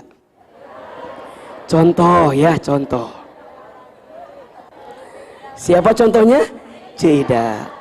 Ceida teh punya teman juga, namanya siapa? Cetutinya. Tah. Singkat cerita, Cetuti teh cerita ke Ceida, temennya yang lain namanya Celilis. Ada berapa orang berarti? Tiga. Satu siapa? Ceida. Dua cetuti tiga celilis cetuti teh cerita ka ceida naon cerita nak kieu Ceida ceida naon apal te naon celilis punya mobil baru. Punya apa? Punya mobil baru. Punten perhatikan.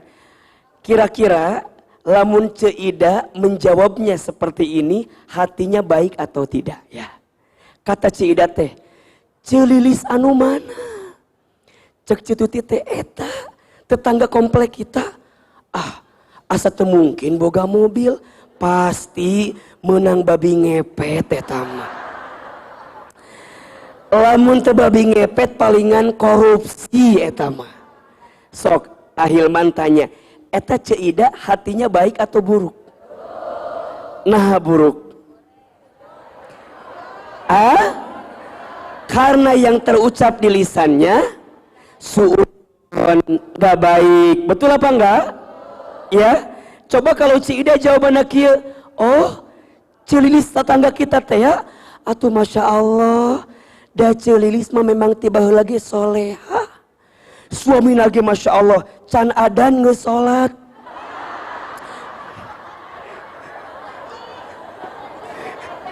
eh celilis mah masya Allah. Lemun ayah ngaji pasti pang paheulana datang nate sedekah pang payuna sedekah nate wajar celilis magaduh mobil.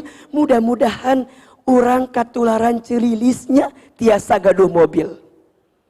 Eta ceida hatinya baik atau buruk? Jadi orang mah bisa kelihatan dari lisannya. Bunda lihat ahilman. Eh si ahilmannya makin hari meni makin glowing wae misalnya gitunya. Coba tapi kalimat glowing teh tiba-tiba ujungnya teh nggak bagus. Ah palingan eta menang endorse mah. di mana tuh si Ahilman mah teu boga duit meureunana? Nah awalnya muji tapi ujungnya menjatuhkan. Kira-kira eta ibu teh hatinya baik atau buruk? Jadi lisan itu etalasenya hati. Semua kumaha perasaan hati? Ibu hati disakiti ngadadak tah nyeri cangkeng betul nggak? Betul? Hati sakit cangkeng nyeri betul? Hati sakit gigi sakit betul? Tiba-tiba nyeri hulu sakit kepala hati sakit lihat kaki romi tah jadi hati mah ngaruh dalam diri manusia itu betul apa enggak Makanya mohon maaf, hati tenang itu penting, betul? Ibu punya suami ganteng, tapi menggelisahkan hati, mau apa enggak? Riuh atuh dah. Betul apa enggak? Ganteng sih, tapi pas ketemu ngomongnya mending nyelekit pisan. Mah, mama teh atuh berubah. Iya badan mending jelas kieu, di depan udah kayak truk di belakang kayak bus ngomongnya seetik tapi nyelekit. Sakit apa enggak? Sakit. Wajahnya ganteng tapi tidak menenangkan hati. Mau atau tidak? Tidak. Mendingan mohon maaf. Mungkin wajahnya teh abstrak lahnya. Ente kasih ente ganteng teing biasa we. Tapi mohon maaf, kalau bicara enak, ke rumah bager. Bunda teh baru ngomong kia, ayah tahu nggak di botani teh ada tas edisi terbaru. Baru ngomong gitu, nanti sore suami pulang bawa tas terbaru. Ibu teh minta, ente minta. Dan suami ibu mah paham. Lamun ibu udah ngomong eta tasnya bagus berarti minta diapain? dibeliin. Dan suami pinter mah udah tahu. Kalau perempuan bilang enggak, enggak apa-apa. tahu enggak maksudnya apa? Maksud nate si eta mau ngomong deui gitu. Berarti kalau perempuan bilang enggak apa-apa, enggak usah banyak nanya. Betul apa enggak? Makanya per, perempuan yang bertemu dengan laki-laki yang pasmah akan jadi ratu. Betul Bu Ratu? Ada Ustazah Ratu. Ustazah Ratu semakin menjadi ratu karena bertemu dengan suami yang bisa memperlakukan beliau seperti ratu. Makanya Ustadz mah gampang. Lamun lihat ibu-ibu yang ngaji lagi banyak masalah kelihatan. Yang duduknya nyender ke tembok. Eta mah udah pasti eta mah. Ahilman, nah yang duduk di tembok ada masalah, iya. Karena di rumahnya tidak ada sandaran. Jadi pas ke pengajian yang dicari apa? Mana sandaran aku? Yang dicari tembok. Jadi ini penting. Hati tenang itu penting atau tidak? Penting. Ibu punya suami, mungkin suami itu ganteng-ganteng banget. Tapi menenangkan hati lebih penting. Lebih enak dibanding suami kita kaya, wajahnya ganteng. Tapi Masya Allah, kelakuannya tidak menenangkan hati. Gelisah tak dalam hidup kita. Betul apa enggak? Jadi Ahilman tanya sekarang, mau nggak punya suami yang ganteng?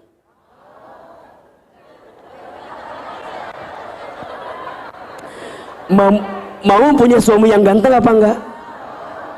Jangan ibu. Jangan pengen punya suami yang ganteng. Yang ganteng itu berpotensi menyakitkan hati. Betul apa enggak? Ibu mau nggak punya suami kayak Ustadz Hilman? Ya. Jawabannya jangan mau. Karena Ustadz Hilman udah pasti nggak mau sama ibu ya. Jadi hati yang tenang itu penting atau tidak? Hati tenang, hidup senang. Betul? Hati tenang, hidup lapang. Betul? Hati tenang, lunas hutang. Betul? Sok diulangi. Hati tenang, hidup senang. Hati tenang, hidup lapang. Hati tenang, lunas. Catatnya status hari Senin eta ya. Ibu berangkat ngaji ke sini untuk apa tujuannya? Salah satunya kan salah satunya ya, apa? Ingin mendapatkan ketenangan hati. Betul apa enggak? Ibu di rumah ada masalah, pasti? Pasti. Ibu di luar masjid ada persoalan, ada? Ada. Ibu datang ke masjid, ikut taklim, maka apa kata Nabi? Di antara pahala ganjaran yang sudah pasti ibu dapatkan apa? Nazalat alaihimus sakinah. Allah akan turunkan ketenangan. Kepada siapa? Kepada orang yang datang ke majelis ilmu. Makanya ibu, kalau sedang punya masalah di rumah, udah berangkat ngaji aja. Pas ngaji, masalahnya lupa. Balik ke imah, inget deh ya. Tenanaun. Ya, betul apa enggak? Karena kadang yang kita butuhkan bukan solusinya, tapi yang kita butuhkan ketenangan hati menghadapinya. Betul apa enggak? Makanya bunda sayang mohon maaf ya. Di antara kasih sayang Allah yang pertama kali diberikan kepada orang beriman yang sedang punya masalah ketika dia minta kepada Allah maka yang pertama kali Allah berikan ketenangan kepadanya. Jadi orang beriman mah kalau sedang punya masalah dia minta sama Allah, ku Allah belum dikasih solusinya dulu, tapi ku Allah nu pertama kali dikasih apa? Ketenangan dulu. Bisa tenang ngadepin masalah itu teh mahal banget. Karena banyak orang yang masalahnya kecil jadi besar gara-gara hatinya tidak tenang. Tapi ada orang yang masalahnya besar, jadi terasa kecil karena hatinya apa? Tenang. Tenang. Maka kita minta sama Allah punya hati yang tenang. Hati yang tenang itu penting. Betul apa enggak? Betul? Maka bicara tentang ketenangan hati, ada satu doa yang boleh bunda nanti amalkan doa ini. Kemudian di balik doa ini ada rahasia ketenangannya. Jadi ada doanya yang isi dalam doanya ini adalah rahasia ketenangan hatinya. Ustadz, dari mana doanya? Ustadz ambil dari hadis riwayat atau broni dari Rasulullah Shallallahu Alaihi Wasallam. Ustadz tuliskan di sini hadisnya. Bismillahirrahmanirrahim. Allahumma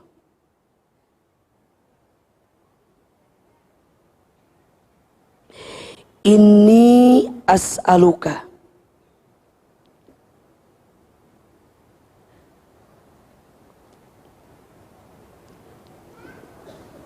Oke.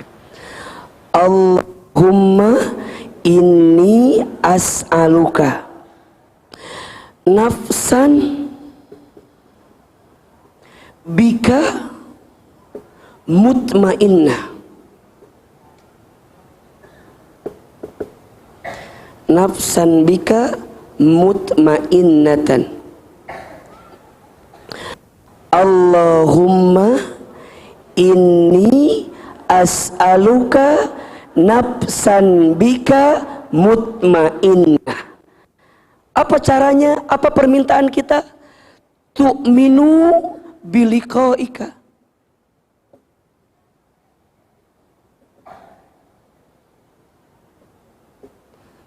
Tu'minu biliqaika.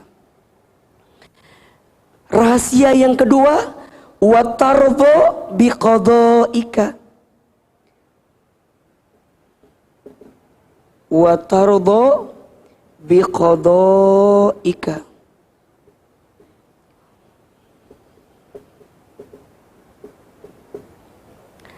Dan rahasia yang ketiga wa taqna'u bi'ata'ika. Wa taqna'u bi'ata'ika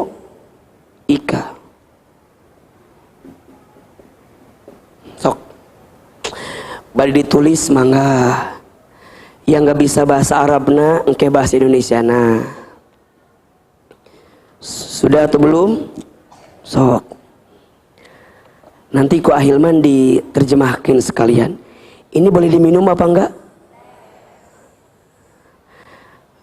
Ada air hangat enggak ya? Mungkin air hangat lebih baik sepertinya. Bismillahirrahmanirrahim apalagi kalau ada warnanya. Sekalian sama roti bakar di sini enak. asal bapak minta kirim. Masya Allah. Sudah atau belum? Sudah ya. Kita baca dulu sama-sama. Ahilman sekali Bunda sekali. Sekaligus kita review Takut ada tulisan Ahilman yang salah gitu ya. Bismillahirrahmanirrahim Allahumma. Ayo sama-sama. Allahumma. Inni as'aluka nafsan bika mutmainnah. Tu'minu biliqaika wa tardo biqadaika wa taqna'u bi'ataika. Sekali lagi ya. Allahumma Inni as nafsan bika mutmainnah. Tu'minu biliqaika wa tardo biqadaika wa taqna'u bi'ataika Jelas? Benar gak tulisan Ahilman? Sama? Sama ya? Baik. Kita terjemahkan. Allahumma ya Allah. Ya, sok ditulis. Boleh di di arti gantung boleh. Jadi misalnya di sini satu-satu boleh ya. Allahumma artinya apa? Ya Allah. Kalau Bunda menemukan kalimat doa dimulai dengan kata Allahumma berarti ada dua maknanya.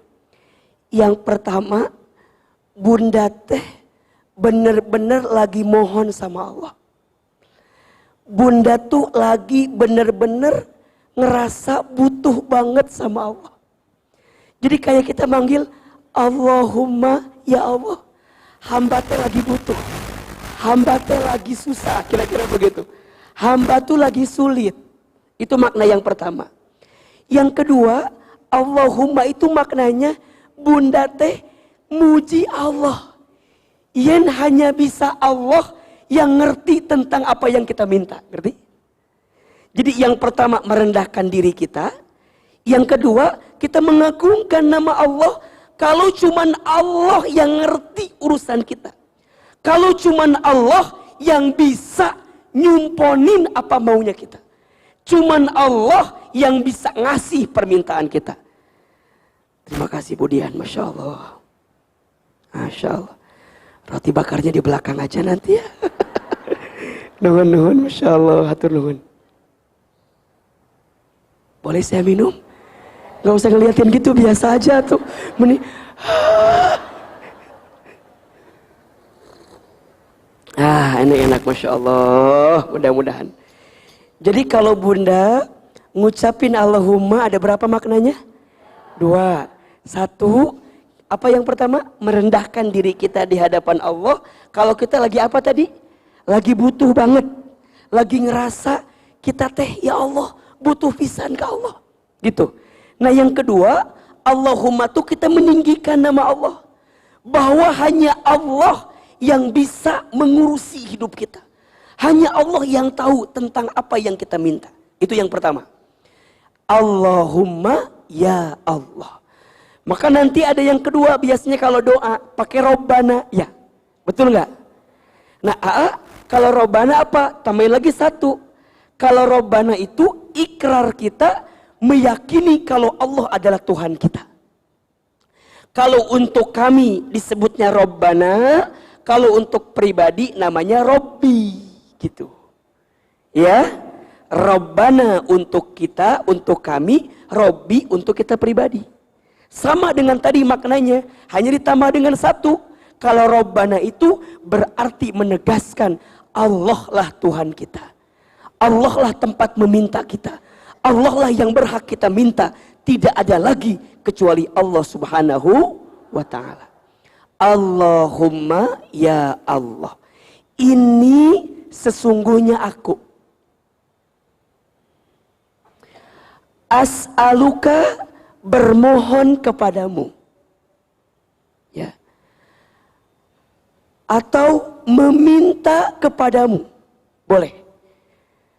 Berbohon, berminta. Kepada siapa? Kepadamu, kepada Allah. Apa yang kita minta pertama kali? Nafsan, jiwa, jiwa ya. Bika mutmainnah jiwa yang tenang dalam pandanganmu atau jiwa yang tenang di sisimu. Kira-kira begitu.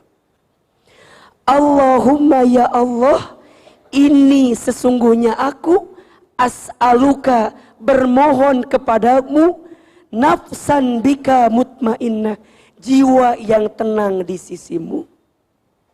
Perhatikan ya. Aa, kenapa di sini jiwa?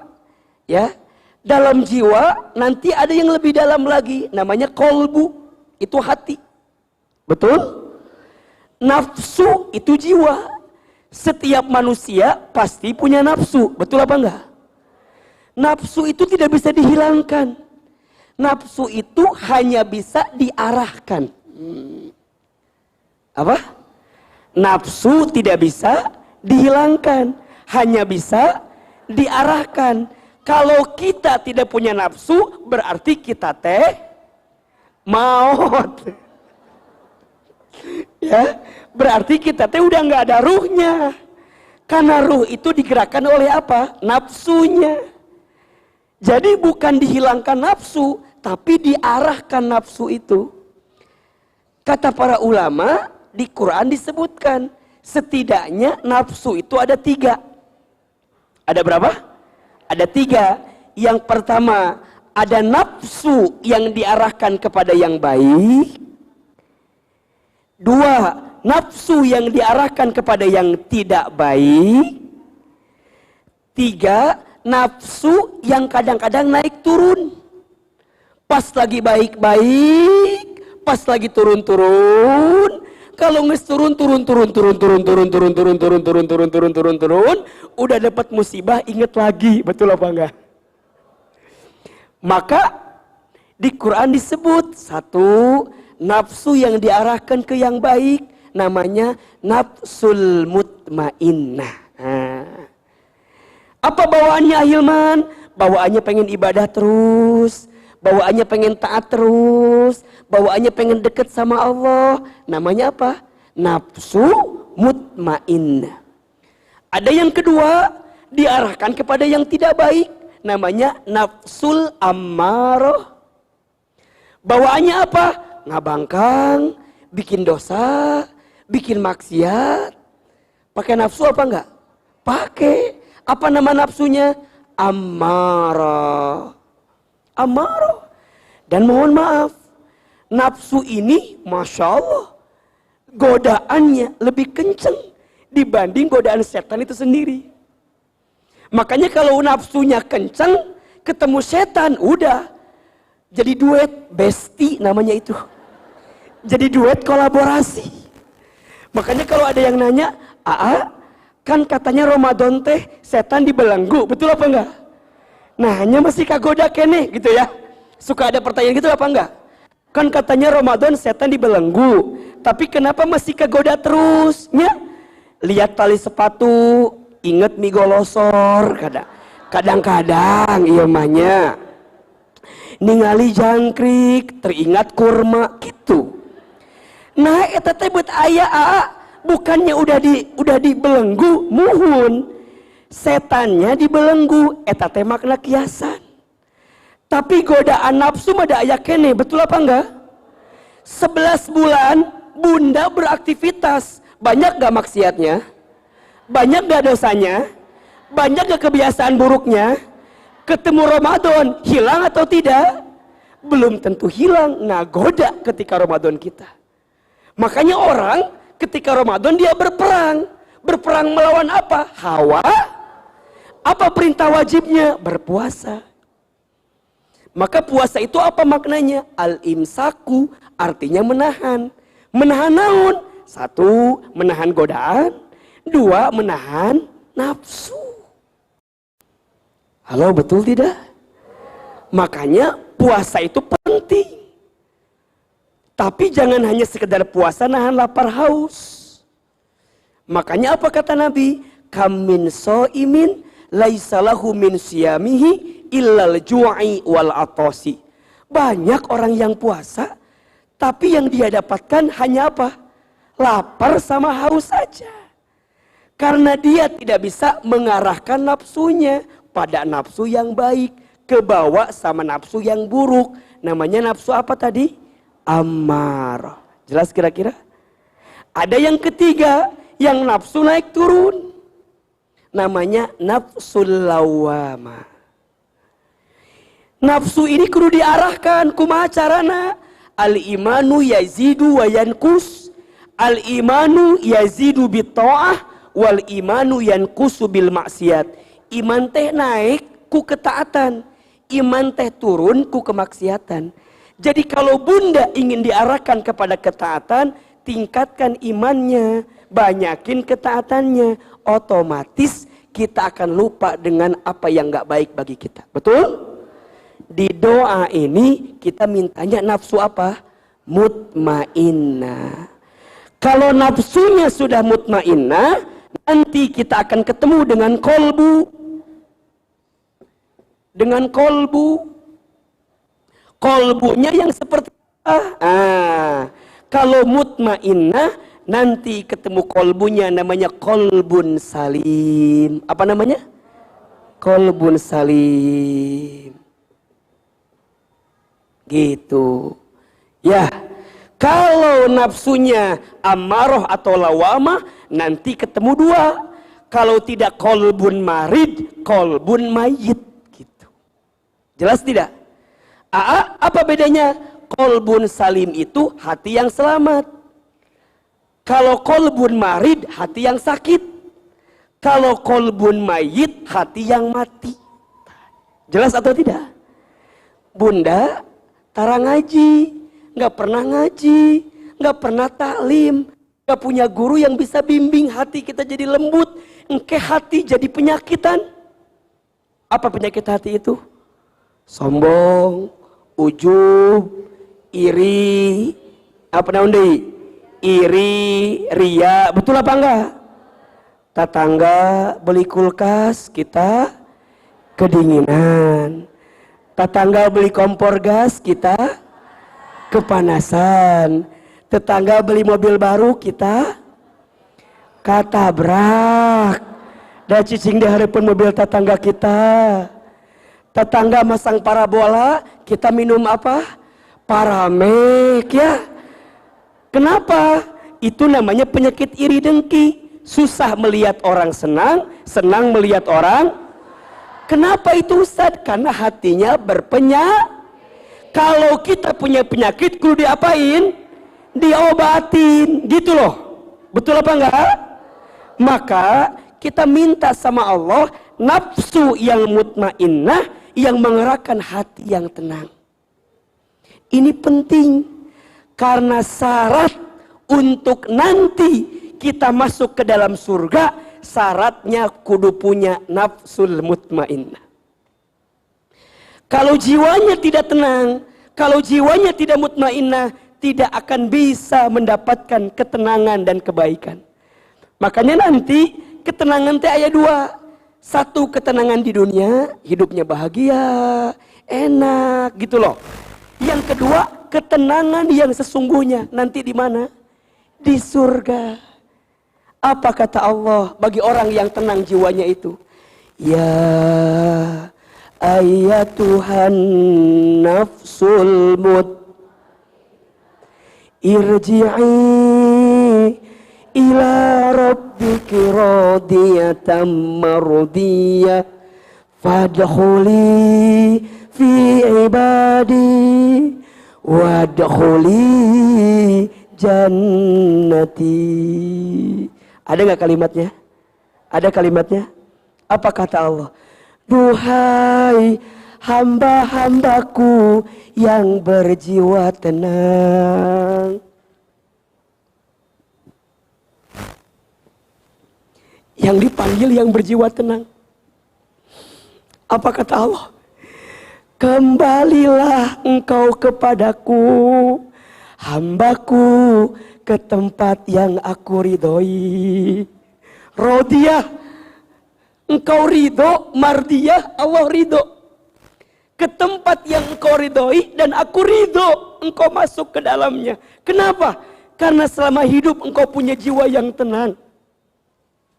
Di mana tempatnya hamba itu nanya, Ya Allah, di mana tempatnya? Kata Allah, Fadkhuli fi ibadi. Masuklah denganku kepadaku, lihat wajahku, kata Allah. Wadkhuli jannati. Masuklah ke dalam surgaku.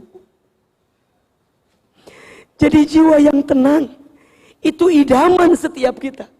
Karena nanti kita akan berjumpa dengan Allah. Syaratnya harus punya apa? Jiwa yang tenang. Kita bisa masuk ke dalam surganya Allah ketika punya jiwa yang tenang. Jiwa yang tenang itu berangkat dari hati yang tenang. Di ayat lain Allah sampaikan.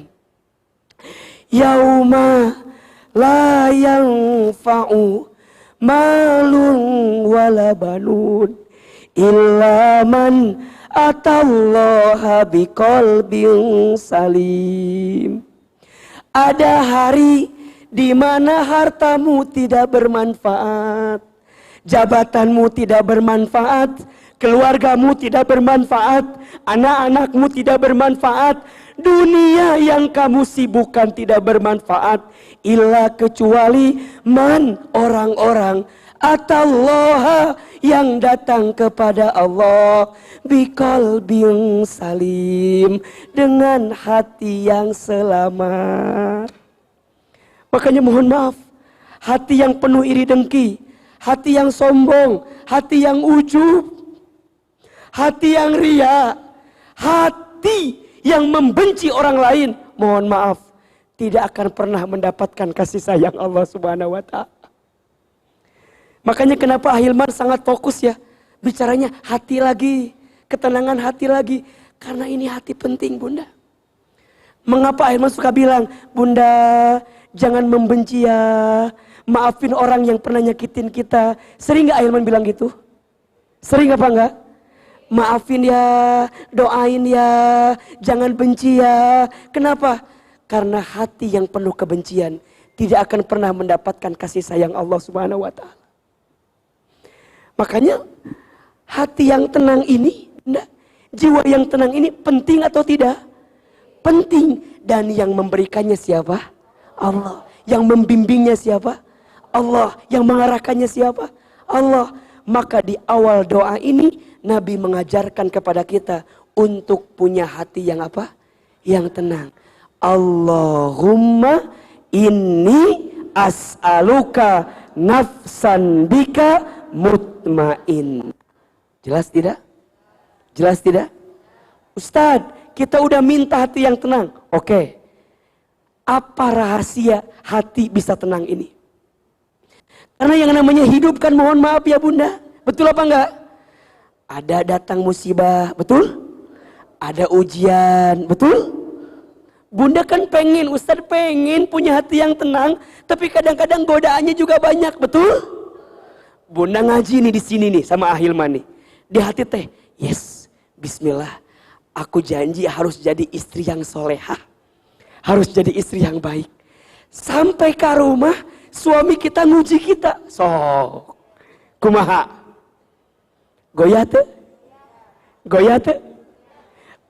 Kata Ahilman, jangan ngeninggiin suara depan suami kita. Harus lembut, harus baik, melayani suami. Ya tapi suaminya ngesel kena. Kudu kumaha gitu kan? Enggak. Eh, diuji lagi, suami bager, anak muji kita. Betul apa enggak? Suami bager, anak bager, eh mertua muji kita. Betul? Kan godaannya teh Masya Allah. Ih keluarga mah aman-aman aja. Kita punya teman, ya, punya besti tadi teh, ya. punya besti, punya teman yang ngajak ngagoda deh, goyah teh. Jadi godaan gak akan pernah selesai. Tak kumaha carana agar kita bisa mendapatkan rahasia ketenangan hati itu Ustaz. Ini ada tiga caranya. Ini tiga rahasianya. Jadi ini permintaannya, ini tiga rahasianya. Yang pertama, rahasia ketenangan hati itu tu'minu biliqaika. Yakin akan perjumpaan denganmu. Dengan siapa? Dengan Allah. Hati bisa jadi tenang ketika bunda ngadapin apa-apa dalam hidup dunia ketika bunda yakin ada tujuan yang jauh lebih besar daripada dunia. Apa itu? Berjumpa dengan Allah. Dapat ridhonya Allah. Masuk ke dalam surganya. Jadi apa pun yang terjadi dalam kehidupan dunia ini hanyalah pernak-pernik aja. Betul apa betul? Iya apa ya? Jadi dia tahu tujuannya. Bunda, kalau tahu tujuan, sebesar apa pun rintangan kita, dilalui atau tidak? Dilalui atau tidak? Dijalani atau tidak? Kenapa? Bunda punya tujuan, pengen datang banget ke kajian Ahilman. Apa pun godaannya, dilalui atau tidak? Betul? Bunda punya kerjaan, punya kesibukan. Bunda korbanin karena bunda punya tujuan ingin ikut kajian sama Ahilman. Betul? Punten, yang paling jauh dari mana sekarang? Dari mana teteh? Cibubur, oke. Ibu dari mana? Dari Depok. Cibubur Depok jauhan mana? Cibubur, baik. Ada lagi yang paling jauh? Teteh dari mana? Hah? Ciomas. Ciomas mah deket di sini ya tuh. Di mana teteh teh? Jakarta Timur. Masya Allah. Ada lagi yang lebih jauh. Ibu di mana? Di Lombok. Jangan Lombok. Masya Allah. Ini yang dari Cibubur, dari Depok, dari Jakarta Timur. Nanti habis kajian masing-masing dapat 50 ribu rupiah ya. Dari Ustadz Hilman. Bunda Dian mau Enggak serius, nanti diganti uangnya ya. Masya Allah. Sok, bunda yang jauh-jauh mau datang karena tahu apa? Tahu tujuan. Seberat apa pun rintangannya, bunda lewati karena tahu tujuannya. Bunda pengen punya tujuan, badannya apa? Langsing. Maka bunda ikutan senam zumba. Inya, nepi kacungkir balik. Wah, wah, wah, masya Allah, bunda teh, pokoknya mah ikutan senam aa, karena punya tujuan. Walaupun capek, keringatan, punya tujuan. Pengen apa? Betul apa enggak? Seorang atlet mau banting tulang latihan karena pengen jadi juara, betul? Kalau tahu tujuan, apa pun yang terjadi dalam kehidupan kita pasti akan selesai karena ujungnya tujuannya berjumpa dengan Allah. Betul? Jadi apa pesannya Ahilman? Remembering of death. Ingat-ingat tentang kematian kita. Udah. Maka apa nasihat yang paling tajam kata Nabi? Ingatkan manusia tentang pemutus kelezatan namanya kematian. Kalau bunda tahu kita semua akan wafat, maka bunda hanya akan sibuk mempersiapkan bekal kewafat kita. Betul atau tidak? Apa yang terjadi hari ini? Ah, anggap aja ini sebagai lika-liku kehidupan saja. Karena tujuannya bukan ini. Tujuannya nanti di akhirat. Ustadz, kalau ada orang yang nyakitin kita, nggak mudah Ustadz maafin. Iya, kalau bunda nggak tahu tujuan bunda bakal susah maafinnya. Tapi kalau bunda tahu tujuannya, bukan ini tujuannya. Kalau aku tersinggung, kalau aku tersakiti, kalau aku terluka, nggak apa-apa. Karena tujuannya bukan dunia, tujuannya nanti berjumpa dengan Allah Subhanahu wa taala. Maka tu'minu biliqaika, yakin akan berjumpa dengan Allah Subhanahu wa taala. Sekarang saya mau tanya, Bunda yakin nggak bisa berjumpa dengan Allah? Yakin? Sudah punya bekal apa? Kalau dikasih godaan-godaan dunia yang sedikit aja kita masih masih nggak masih nggak mau. Gimana nanti ketemu dengan kehidupan yang selanjutnya? Ustadz, emang masih panjang kehidupan kita? Masya Allah bunda sayang. Hidup kita nih masih panjang bunda sayang. Masih panjang. Sering Ahilman gambarkan kan? Manusia itu hidup. Ada sepeda lagi atau tidak? Manusia itu hidup mem mem melewati beberapa tahapan. Paling gampang lima saja, paling gampang. Satu, alam ruh. Sudah kita lewati, betul? Yang kedua, alam rahim. Sudah kita lewati, betul? Yang ketiga, alam dunia. Sedang kita jalan setelah alam dunia selesai, manusia kemudian wafat, manusia akan ketemu dengan fase kehidupan alam kubur. Apa? Alam kubur namanya nanti alam barzah di dalamnya. Ustadz, bagaimana keadaan alam kubur kita? Mudah saja melihatnya. Terlihat dari bagaimana kehidupan dunia kita. Amal yang bunda siapkan di dunia, nanti jadi bekal ke alam kubur. Karena yang akan ikut ke dalam kubur hanya amal. Ya. Nanti itu kalau kita Ada tiga yang ikut. Satu keluarganya, dua hartanya, tiga amalnya. Dua balik lagi, satu ikut ke dalam. Betul? Keluarga ikut, ikut, tapi nganterin doang. Nganterin sampai depan. Ustadz belum pernah lihat ada suaminya meninggal, istrinya minta dikubur juga. Enggak ada. Betul apa enggak? Pernah enggak kalau suaminya mau meninggal, jangan dikubur dulu, aku mau ikutan. Enggak ada. Apalagi kalau suami istrinya meninggal, ah, mangaweti payun katanya. Betul apa betul? Maka mohon maaf, aku tak bisa hidup tanpamu, pret. Eueuh eta mah udah ada. Betul apa enggak? Ibu meninggal, suami ibu masih hidup. Kira-kira nikah lagi apa enggak? Kata siapa? Kamu tidak itu ngurusin suami batur, kamu mah meniriwe nikah. Belum tentu. Ya, betul apa enggak? Jadi kumaha Ahilman keluarga mah balik deui. Harta ikut nganterin apa enggak? Ikut nganterin. Mobil ikut, motor ikut, tapi ikut ke dalam apa enggak? Enggak.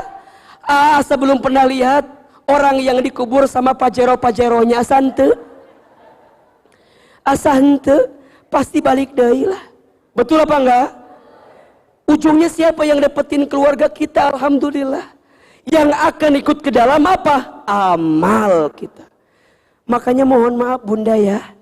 Kalau udah mati, jadi terkenal, jadi hebat, jadi populer, jadi nggak penting, jadi orang baik aja. Itu yang akan jadi bekal terbaik untuk kita pulang menuju Allah. Betul atau tidak? Nanti di alam kubur selesai Ustadz? Enggak. Setelah alam kubur manusia lanjut lagi. Ketemu hari kiamat diancurin. Habis itu dibangkitin. Habis itu dikumpulin. Habis itu dihisap. Habis itu ditimbang. Habis itu diperjalankan di jembatan sirat. Apa yang kita minta sama Allah? Syafaat. Betul apa enggak?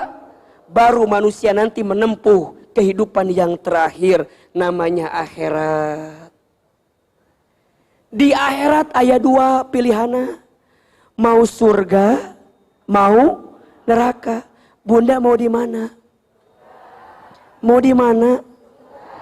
Atau mau dua-duanya? Kaki kanan di surga, kaki di neraka, kaki kantenya maunya masuk apa?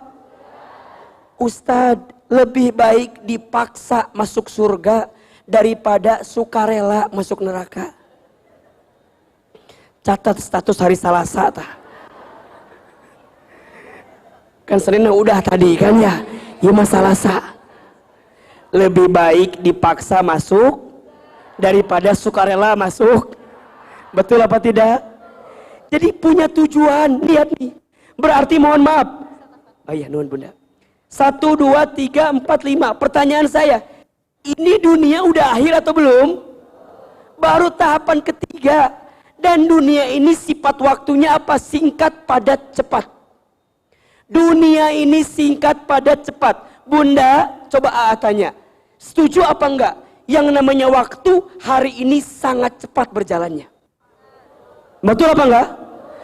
Asa baru kemarin Ramadan teh. Betul? 41 hari lagi kita ketemu Ramadan. Masya Allah. Asa cepatnya Ustaz. Heeh, ngeskolot mana teh. Kita teh ngeskolotnya Ustaznya. Asa baru kemarin nikah sama suami kita, betul? Sekarang anak kita udah berapa? Udah punya cucu. Ya Allah, kamari mah wajah teh meni asa kenceng. Ayo nama meni ya oh. Meni. Betul apa enggak? Cepat atau tidak? Cepat. Makanya di Quran disebutkan hidup dunia mah seperti waktu sore dan waktu duha. Seperti apa? Waktu sore sama seperti sewaktu duha. Sore cepat apa enggak? Cepat. Ti asar ke maghrib atau meni asa nyerelek atau waktu teh cepet pisan. Waktu duha cepet pisan. Betul apa tidak? Maka rahasia ketenangan hati pertama apa? Tu'minu biliqaika. Yakin akan perjumpaan dengan siapa? Allah. Kalau itu yang menjadi tujuan kita, Bunda tahu tujuannya, maka apa yang datang dalam kehidupan dunia ini hanyalah bagian kecil dari proses kehidupan kita. Jelas? Jelas atau tidak ini? Jelas? Jadi kalau bunda lagi sulit, lagi terpuruk, lagi tidak stabil, agar hati bunda bisa tenang, coba istirahatkan hati pada urusan dunia dan ingat-ingat tentang tujuan kita, yaitu berjumpa dengan Allah Subhanahu wa taala. Kalau bunda kehilangan harta, ah, harta nggak akan dibawa Ustaz. Tuh, tenangin hati kita. Ustaz, kalau bunda kehilangan siapa? Pasangan. Misalnya suami bunda teh agak-agak khawatir layangan putus ini teh. Ustaz ini kayaknya, aduh, aduh Ustaz, aduh, resah, gelisah. Daripada bunda capek, ah, suami titipan juga dari Allah. Betul apa enggak? Suami titipan atau bukan? Kalau titipan boleh diambil lagi atau tidak? Sama yang punya boleh diambil lagi? Kalau tidak diambil berarti dialihkan kepada yang pantas. Betul apa tidak? Yang menggerakkan hati suami kita siapa? Allah. Bunda bisa gili, ah, aku teh udah sayang banget sama suami, udah cinta banget sama suami. Nah hanya suami teh menikitu kayak. Eh, dia kita mah nggak bisa ngerubah hati suami atau? Betul apa enggak? Yang ngerubah hatinya siapa? Allah. Kalau bunda sudah memberikan yang terbaik, terus sekarang bunda mau ngotot kayak gimana juga pusing kan? Betul apa enggak? Ayah, please atuh ayah. Cik ayah teh, naon sih? Please wait nah tuh. Kan jadi liar ke orang kan? Coba bunda tenang dulu. Tugasku hanya memegang amanah dari Allah. Titipan dari Allah. Aku sudah jadi istri yang baik. Aku sudah jadi istri yang soleha. Aku sudah jadi istri yang taat. Kalau seandainya kamu berubah. Bukan lagi hisabku di hadapan Allah. Aku hanya minta sama Allah. Ya Allah. Aku serahkan yang terbaik kepadamu ya Allah. Catat. Status malam Jumat itu ya. Tenang atau tidak kalau begitu? Tenang. Karena kita tahu biliko ika ya Allah. Engkau satukan kami di dunia dengan pasangan kami. Kalau seandainya engkau takdirkan kami bersatu lagi. Kumpulkan kami nanti bersama dengan di surga. Bersama dengan pasangan kami ya Allah. Kalau tidak dengan ratu dan raja yang lain ya Allah. Dah bosan melong maneh nawai ya Allah. Pengen yang lebih baik ya Allah. Bisa atau tidak? Bisa.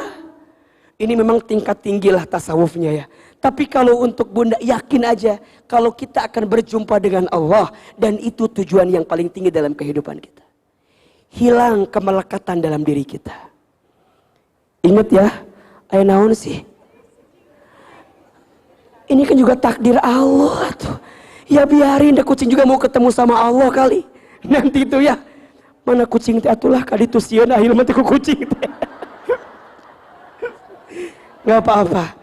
Selama tidak mengganggu gak apa-apa. Jadi bunda. Tu'minu biliko ika itu akan mengajarkan kita. Untuk tidak punya rasa memiliki terhadap apa yang sebenarnya dititipi. Gitu. Betul? Tu'minu biliko ika. Yakin perjumpaan dengan Allah akan mengajarkan kita untuk tidak merasa memiliki terhadap apa yang dititipi. Maka ini rumusnya. Jika tidak ingin merasakan kehilangan, jangan pernah merasa memiliki. Catat status hari Rabu.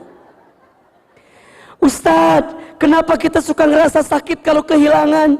Tanya hati kita, pasti karena merasa memiliki. Betul?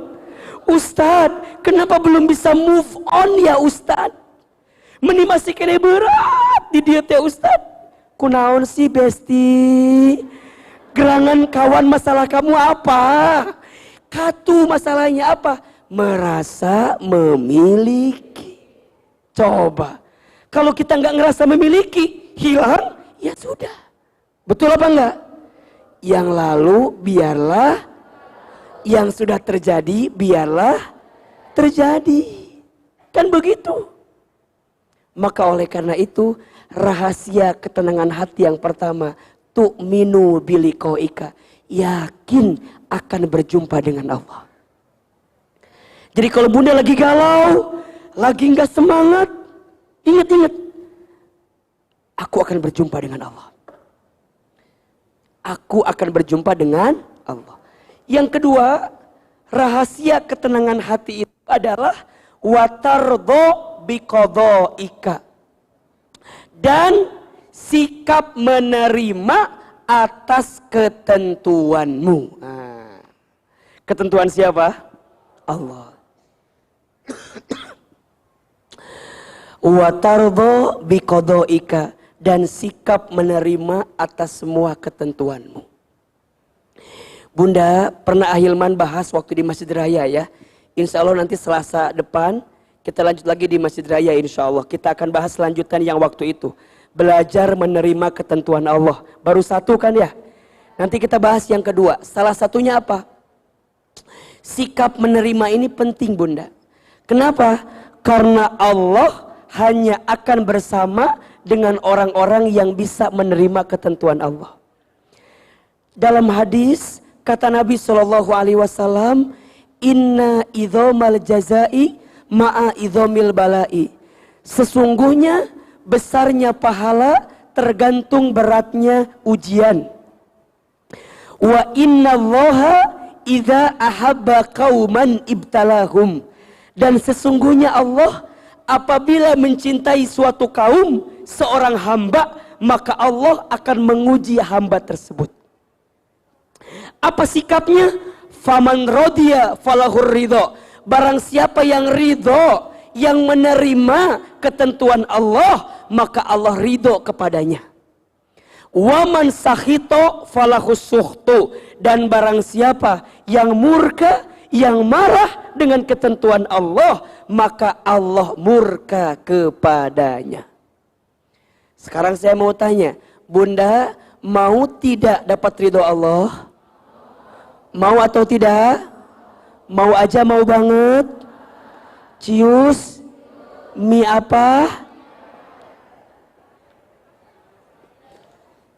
Kalau bunda mau dapat ridho Allah, maka bunda belajar ridho atas ketentuan Allah. Hmm. Jelas rumusnya? Jelas rumusnya? Bunda dikasih sesuatu yang enak, bisa terima apa enggak?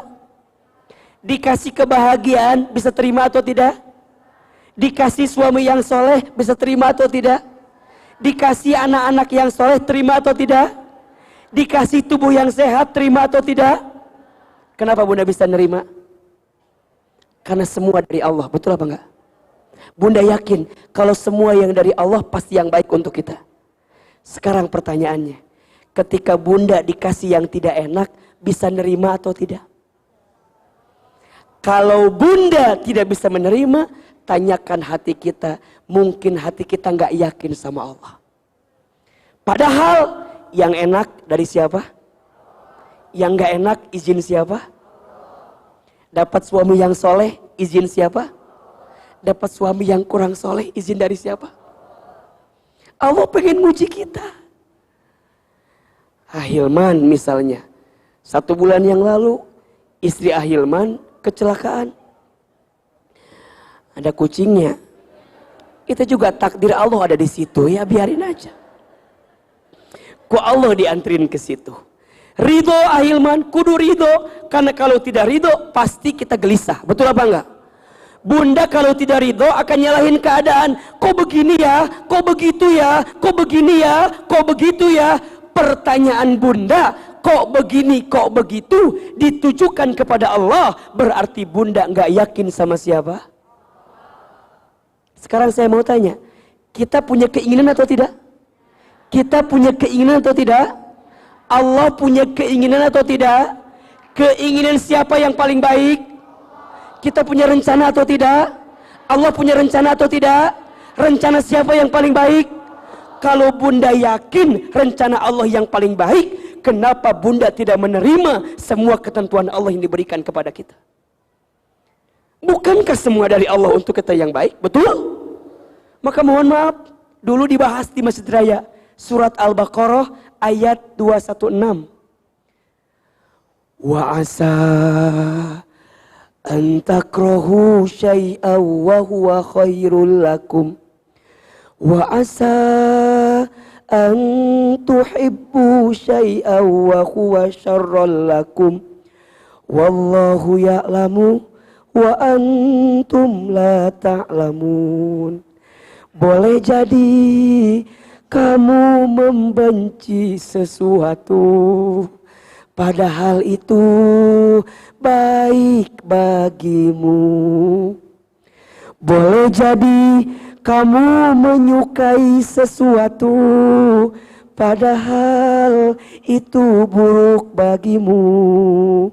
Allah Maha Tahu sedangkan kamu tidak tahu. Yang lebih tahu siapa? Yang paling tahu siapa? Yang maha tahu siapa? Allah lebih tahu, Allah maha tahu, sedangkan kita tidak tahu. Jangankan dengan kehidupan ini, dengan diri kita sendiri pun kita mah tidak tahu. Betul apa enggak? Satu jam, dua jam ke depan, ada yang tahu apa enggak? Bakal kumaha yang terjadi, gak ada yang tahu. Maka apa sifatnya? Apa sikapnya? Watardo bikodo ika. Ya Allah, apa yang kau berikan untuk hamba, hamba terima ya Allah. Karena hamba yakin itu yang terbaik untuk kita. Maka mulai hari ini, kalau bunda hatinya pengen tenang, belajar nerima ketentuan Allah.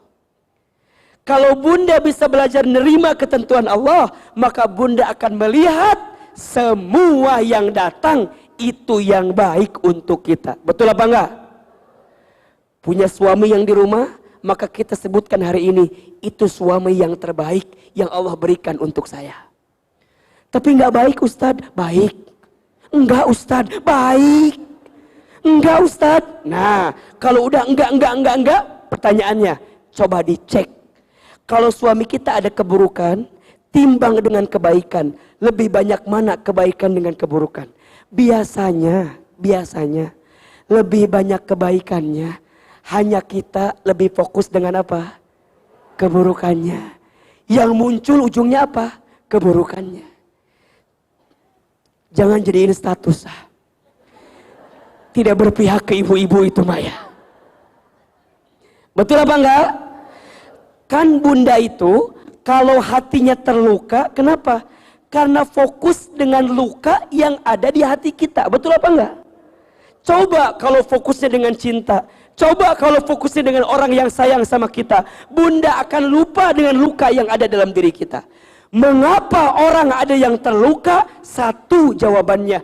Karena dia hatinya mengizinkan dia terluka. Coba saya mau tanya. Bunda itu hatinya terluka atau tersakiti karena keadaannya yang menyakiti atau karena hati kita yang mengazinkan tersakiti? Ulangi pertanyaannya.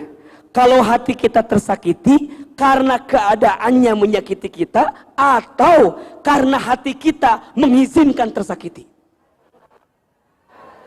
Kalau boleh Ahilman jawab, mungkin yang pertama betul kejada, kejadiannya ada. Tapi yang kedua, itulah faktor terbesar mengapa hati kita tersakiti. Karena hati kita mengizinkan tersakiti. Ustadz, saya sakit hati. Siapa yang bilang sakit hati? Siapa yang bilang sakit hati? Ya kamu yang bilang sakit hati.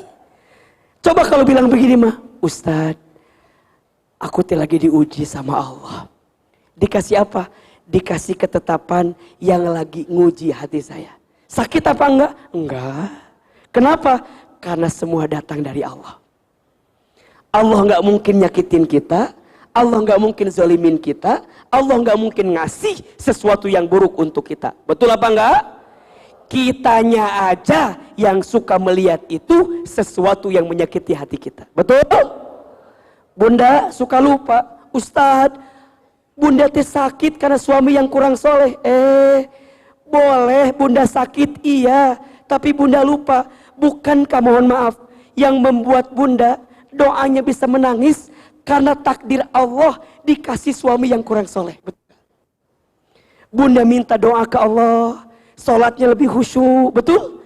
Doanya lebih panjang. Ketika kapan? Tanpa disadari ketika bunda diuji sama suami yang kurang soleh itu. Ustadz, kalau suami saya soleh mah kayaknya baik-baik aja deh. Doa ge merenang mal khusyuk. Dan ngesoleh teh ya. Ya Allah, mohon maaf ya. Enggak ada doa hari ini mah. Baik-baik aja semuanya. Kan jadi begitu merenan, betul apa enggak? Tapi kok Allah diuji, diuji, diuji dengan apa? Dengan harapan yang tak jadi kenyataan. Kenapa? Agar di situlah kamu tahu betapa butuhnya kamu sama Allah. Kalau hidup kita fine-fine aja, enak apa enggak? Jadi enggak seru bunda. Enak we terus. Ku Allah dikasih yang enggak enak. Kalau bunda nerima yang enak, biasa. Tapi kalau bunda bisa terima yang gak enak, baru luar biasa. Watardo bikodo ika. Ya Allah, hamba nerima apa ketetapan darimu. Jelas sampai di sini? Dan yang ketiga, ini rahasianya. Wataqna'u bi'ata'ika. Dan merasa cukup atas pemberianmu dan merasa cukup atas pemberianmu. Apa sifatnya? Apa sikapnya? Kona'ah. Hmm. Coba Ahilman mau tanya, ada yang kurang atau tidak yang Allah berikan kepada kita? Ada yang kurang atau tidak? Tolong jawab, ada yang kurang atau tidak? Demi Allah, jika bunda yakin percaya sama Allah, tidak ada yang kurang yang Allah berikan kepada kita. Yang kurang siapa? Yang kurang siapa? Yang kurang bukan Allah, yang kurang hanya kita saja. Kita teh dikasih nikmat kurang apa? Syukur. Dikasih ujian kurang apa? Sabar. Ketika ber ikhlas. Ketika ada takdir kurang apa? Kurang ridho kalau dikumpulin kurang apa? Kurang ajar. Dikasih nikmat kurang syukur, dikasih ujian kurang sabar, kurang ikhlas, ketika ada takdir kurang ridho, kalau dikumpulin kurang siapa yang kurang ajar? Hati yang suka gelisah, tanda hati yang tidak merasa cukup atas apa yang Allah berikan kepada kita. Berarti kalau bunda hatinya kurang, oh saya yang kurang ajar selama ini. Bukan Allah. Betul atau tidak? Kembali kepada doa ini. Kalau kita terjemahkan, ini adalah doa sekaligus rahasia ketenangan hati. Allahumma ya Allah, ini sesungguhnya aku as'aluka bermohon kepadamu nafsan bika mutmainnah jiwa yang tenang di sisimu. Tu'minu biliqaika jiwa yang yakin akan berjumpa denganmu. Watardha biqadaika jiwa yang bisa menerima semua ketentuanmu watakna'u bi'ataika jiwa yang merasa cukup atas semua pemberian darimu jadi tiga rahasia ketenangan hati. Satu, yakin kepada Allah. Dua, menerima semua ketentuan Allah. Dan yang ketiga, merasa cukup atas apa yang Allah berikan. Pertanyaan saya, kalau ini diamalin, tenang atau tidak? Bakal tenang atau tidak? Yakin, bakal tenang. Ustadz, tapi kan yang namanya sedih itu ada aja Ustadz. Betul apa enggak? Betul? Oke. Okay. Bagaimana cara mengobati kesedihan?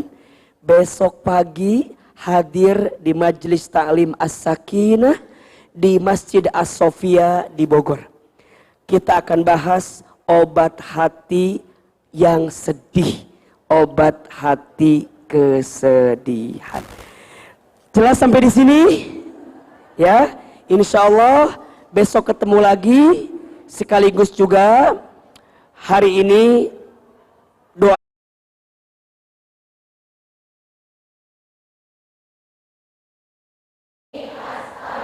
Nafsan bika mutmainnah.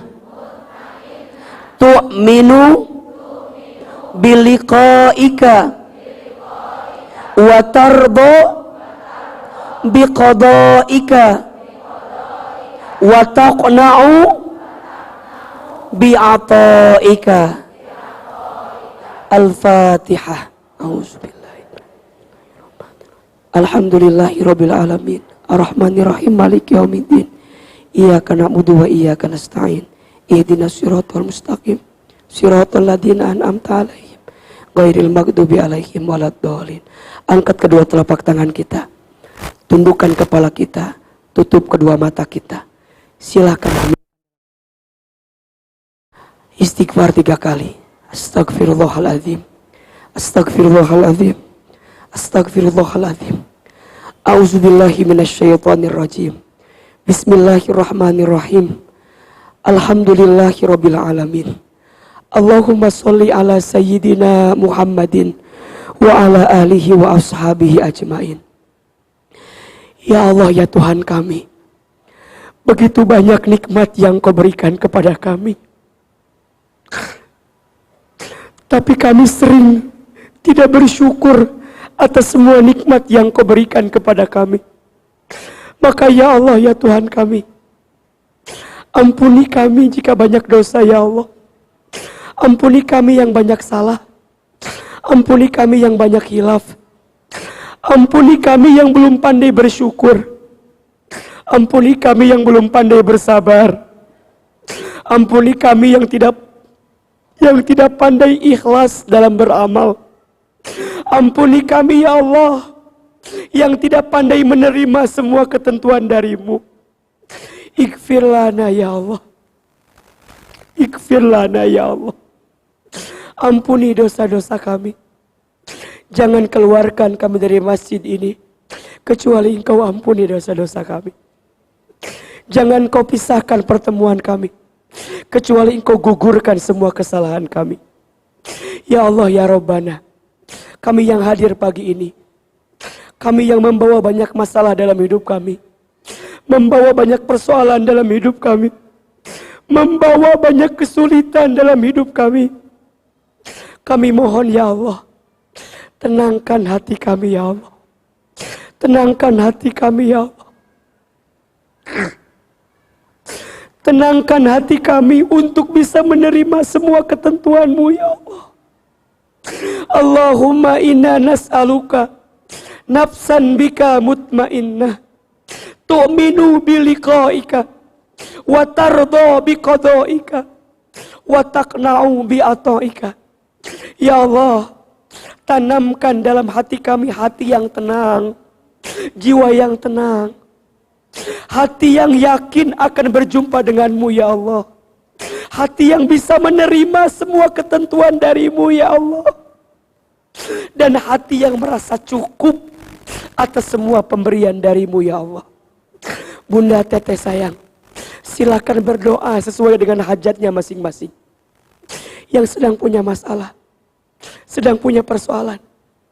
Berbisik sama Allah. Apa yang menjadi masalah kita? Sampaikan kepada Allah. Ya Allah hambamu memohon kepadamu ya Allah. Hamba yang sedang punya clue masalah di keluarga. Hamba yang sedang punya masalah di rumah tangga. Hamba yang diuji sama suami hamba ya hamba yang diuji dengan ekonomi hamba ya Allah hamba yang diuji dengan anak-anak hamba ya Allah hamba yang diuji dengan penyakit hamba ya Allah hamba yang sedang diuji dengan sempitnya harta hamba ya Allah Hasbunallah wa ni'mal wakil. Ni'mal maula wa ni'mal nasir. Ya Allah, hamba mohon kepadamu, tunjukkan jalan terbaik untuk hamba ya Allah. Sesulit apa pun hidup hamba, hamba yakin ada engkau ya Allah. Temani hamba, bersamai hamba, kuatkan hati dan Ya Allah Yang punya hajat Punya keinginan Ayo sampaikan kepada Allah. Apa hajatnya? Apa keinginannya? Ya Allah Dengarkan hambamu Yang memohon kepadamu. Ya Allah Sehat afiatkan hamba. Panjangkan umur hamba dalam ketaatan Ya Allah. Istiqomahkan hamba dalam ketaatan ya Allah. Allahumma barik lana fi rojaba wa sya'bana wa balighna Ramadan. Ya Allah, berkahi kami di bulan Rajab. Berkahi kami di bulan Sya'ban dan sampaikan kami ke bulan Ramadan. Rabbana taqabbal minna innaka antas samiul alim wa tub alaina innaka antat tawwabur rahim. Rabbana atina fid dunya hasanah wa fil akhirati hasanah wa qina adzabannar. Ya Allah kabulkan doa-doa kami ya Allah. Ijabah permintaan kami ya Allah dan berikan yang terbaik untuk kami ya Allah. Subhana rabbika rabbil izzati amma yasifun Wassalamun alal mursalin Walhamdulillahi rabbil alamin Silakan bermaafan kiri dan kanannya Bersalaman Mohon maaf lahir dan batin Saling watin Saling watin karena Allah Amin Amin ya rabbal alamin Bunda yang dirahmati Allah Terima kasih banyak Insya Allah besok kita lanjutkan kembali. Besok kita bahas obat hati dari kesedihan. Obat hati dari kesedihan. Barakallahu fikum, jazakumullahu khairan kathiro. Salam untuk semua keluarganya. Hati-hati di jalan yang benar semua dari Allah. Yang salah dari ahilman yang banyak kehilafannya. Wabillahi taufiq wal hidayah. Wassalamualaikum warahmatullahi wabarakatuh.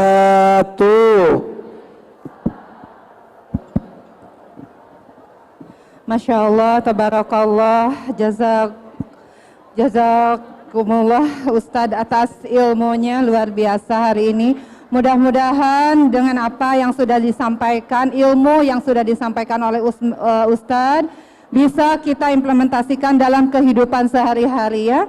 Luar biasa kedudukan hati uh, dalam kehidupan kita sehari-hari ya untuk bekal kita, pertemuan kita mudah-mudahan Allah ridho dengan apa yang sudah yang sudah kita lakukan Allah ridho dengan hati kita yang saat ini masih terus saja ada perasaan gundah, galau ataupun uh, hati yang lain-lain ya. Mudah-mudahan dengan kajian ini Allah tambahkan keimanan kita, Allah tambahkan kesabaran kita, dan Allah tambahkan ketakwaan kita. Amin ya Rabbal Alamin.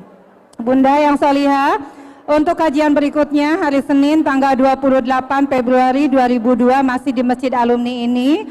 Mari kita sama-sama hadir kembali jam 8.30 sampai jam 11 dengan Ustadz Fatih Karim dan Al-Habib Mahdi bin Hamzah Asegab dengan tema hikmah perjalanan agung. Baik, Bunda yang dirahmati Allah, jazakumullah khairan kasir atas uh, kehadirannya pada kajian hari ini. Mari kita sama-sama tutup dengan membaca Alhamdulillah, Alhamdulillahirabbil alamin dan doa kafaratul majlis. Subhanallahumma wa bihamdika asyhadu an la ilaha anta astaghfiruka wa atubu ilaik. Mohon maaf jika ada uh, lisan yang tidak berkenan. Bila wal hidayah. Assalamualaikum warahmatullahi wabarakatuh.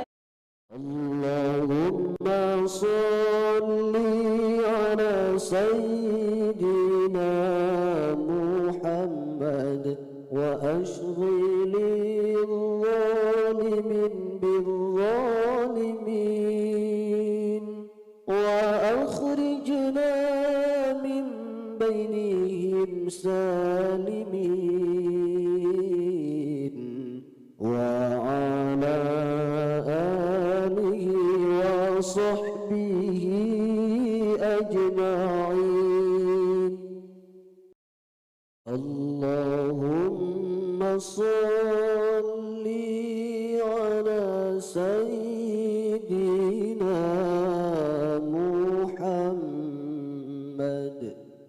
وأشغل الظالمين بالظالمين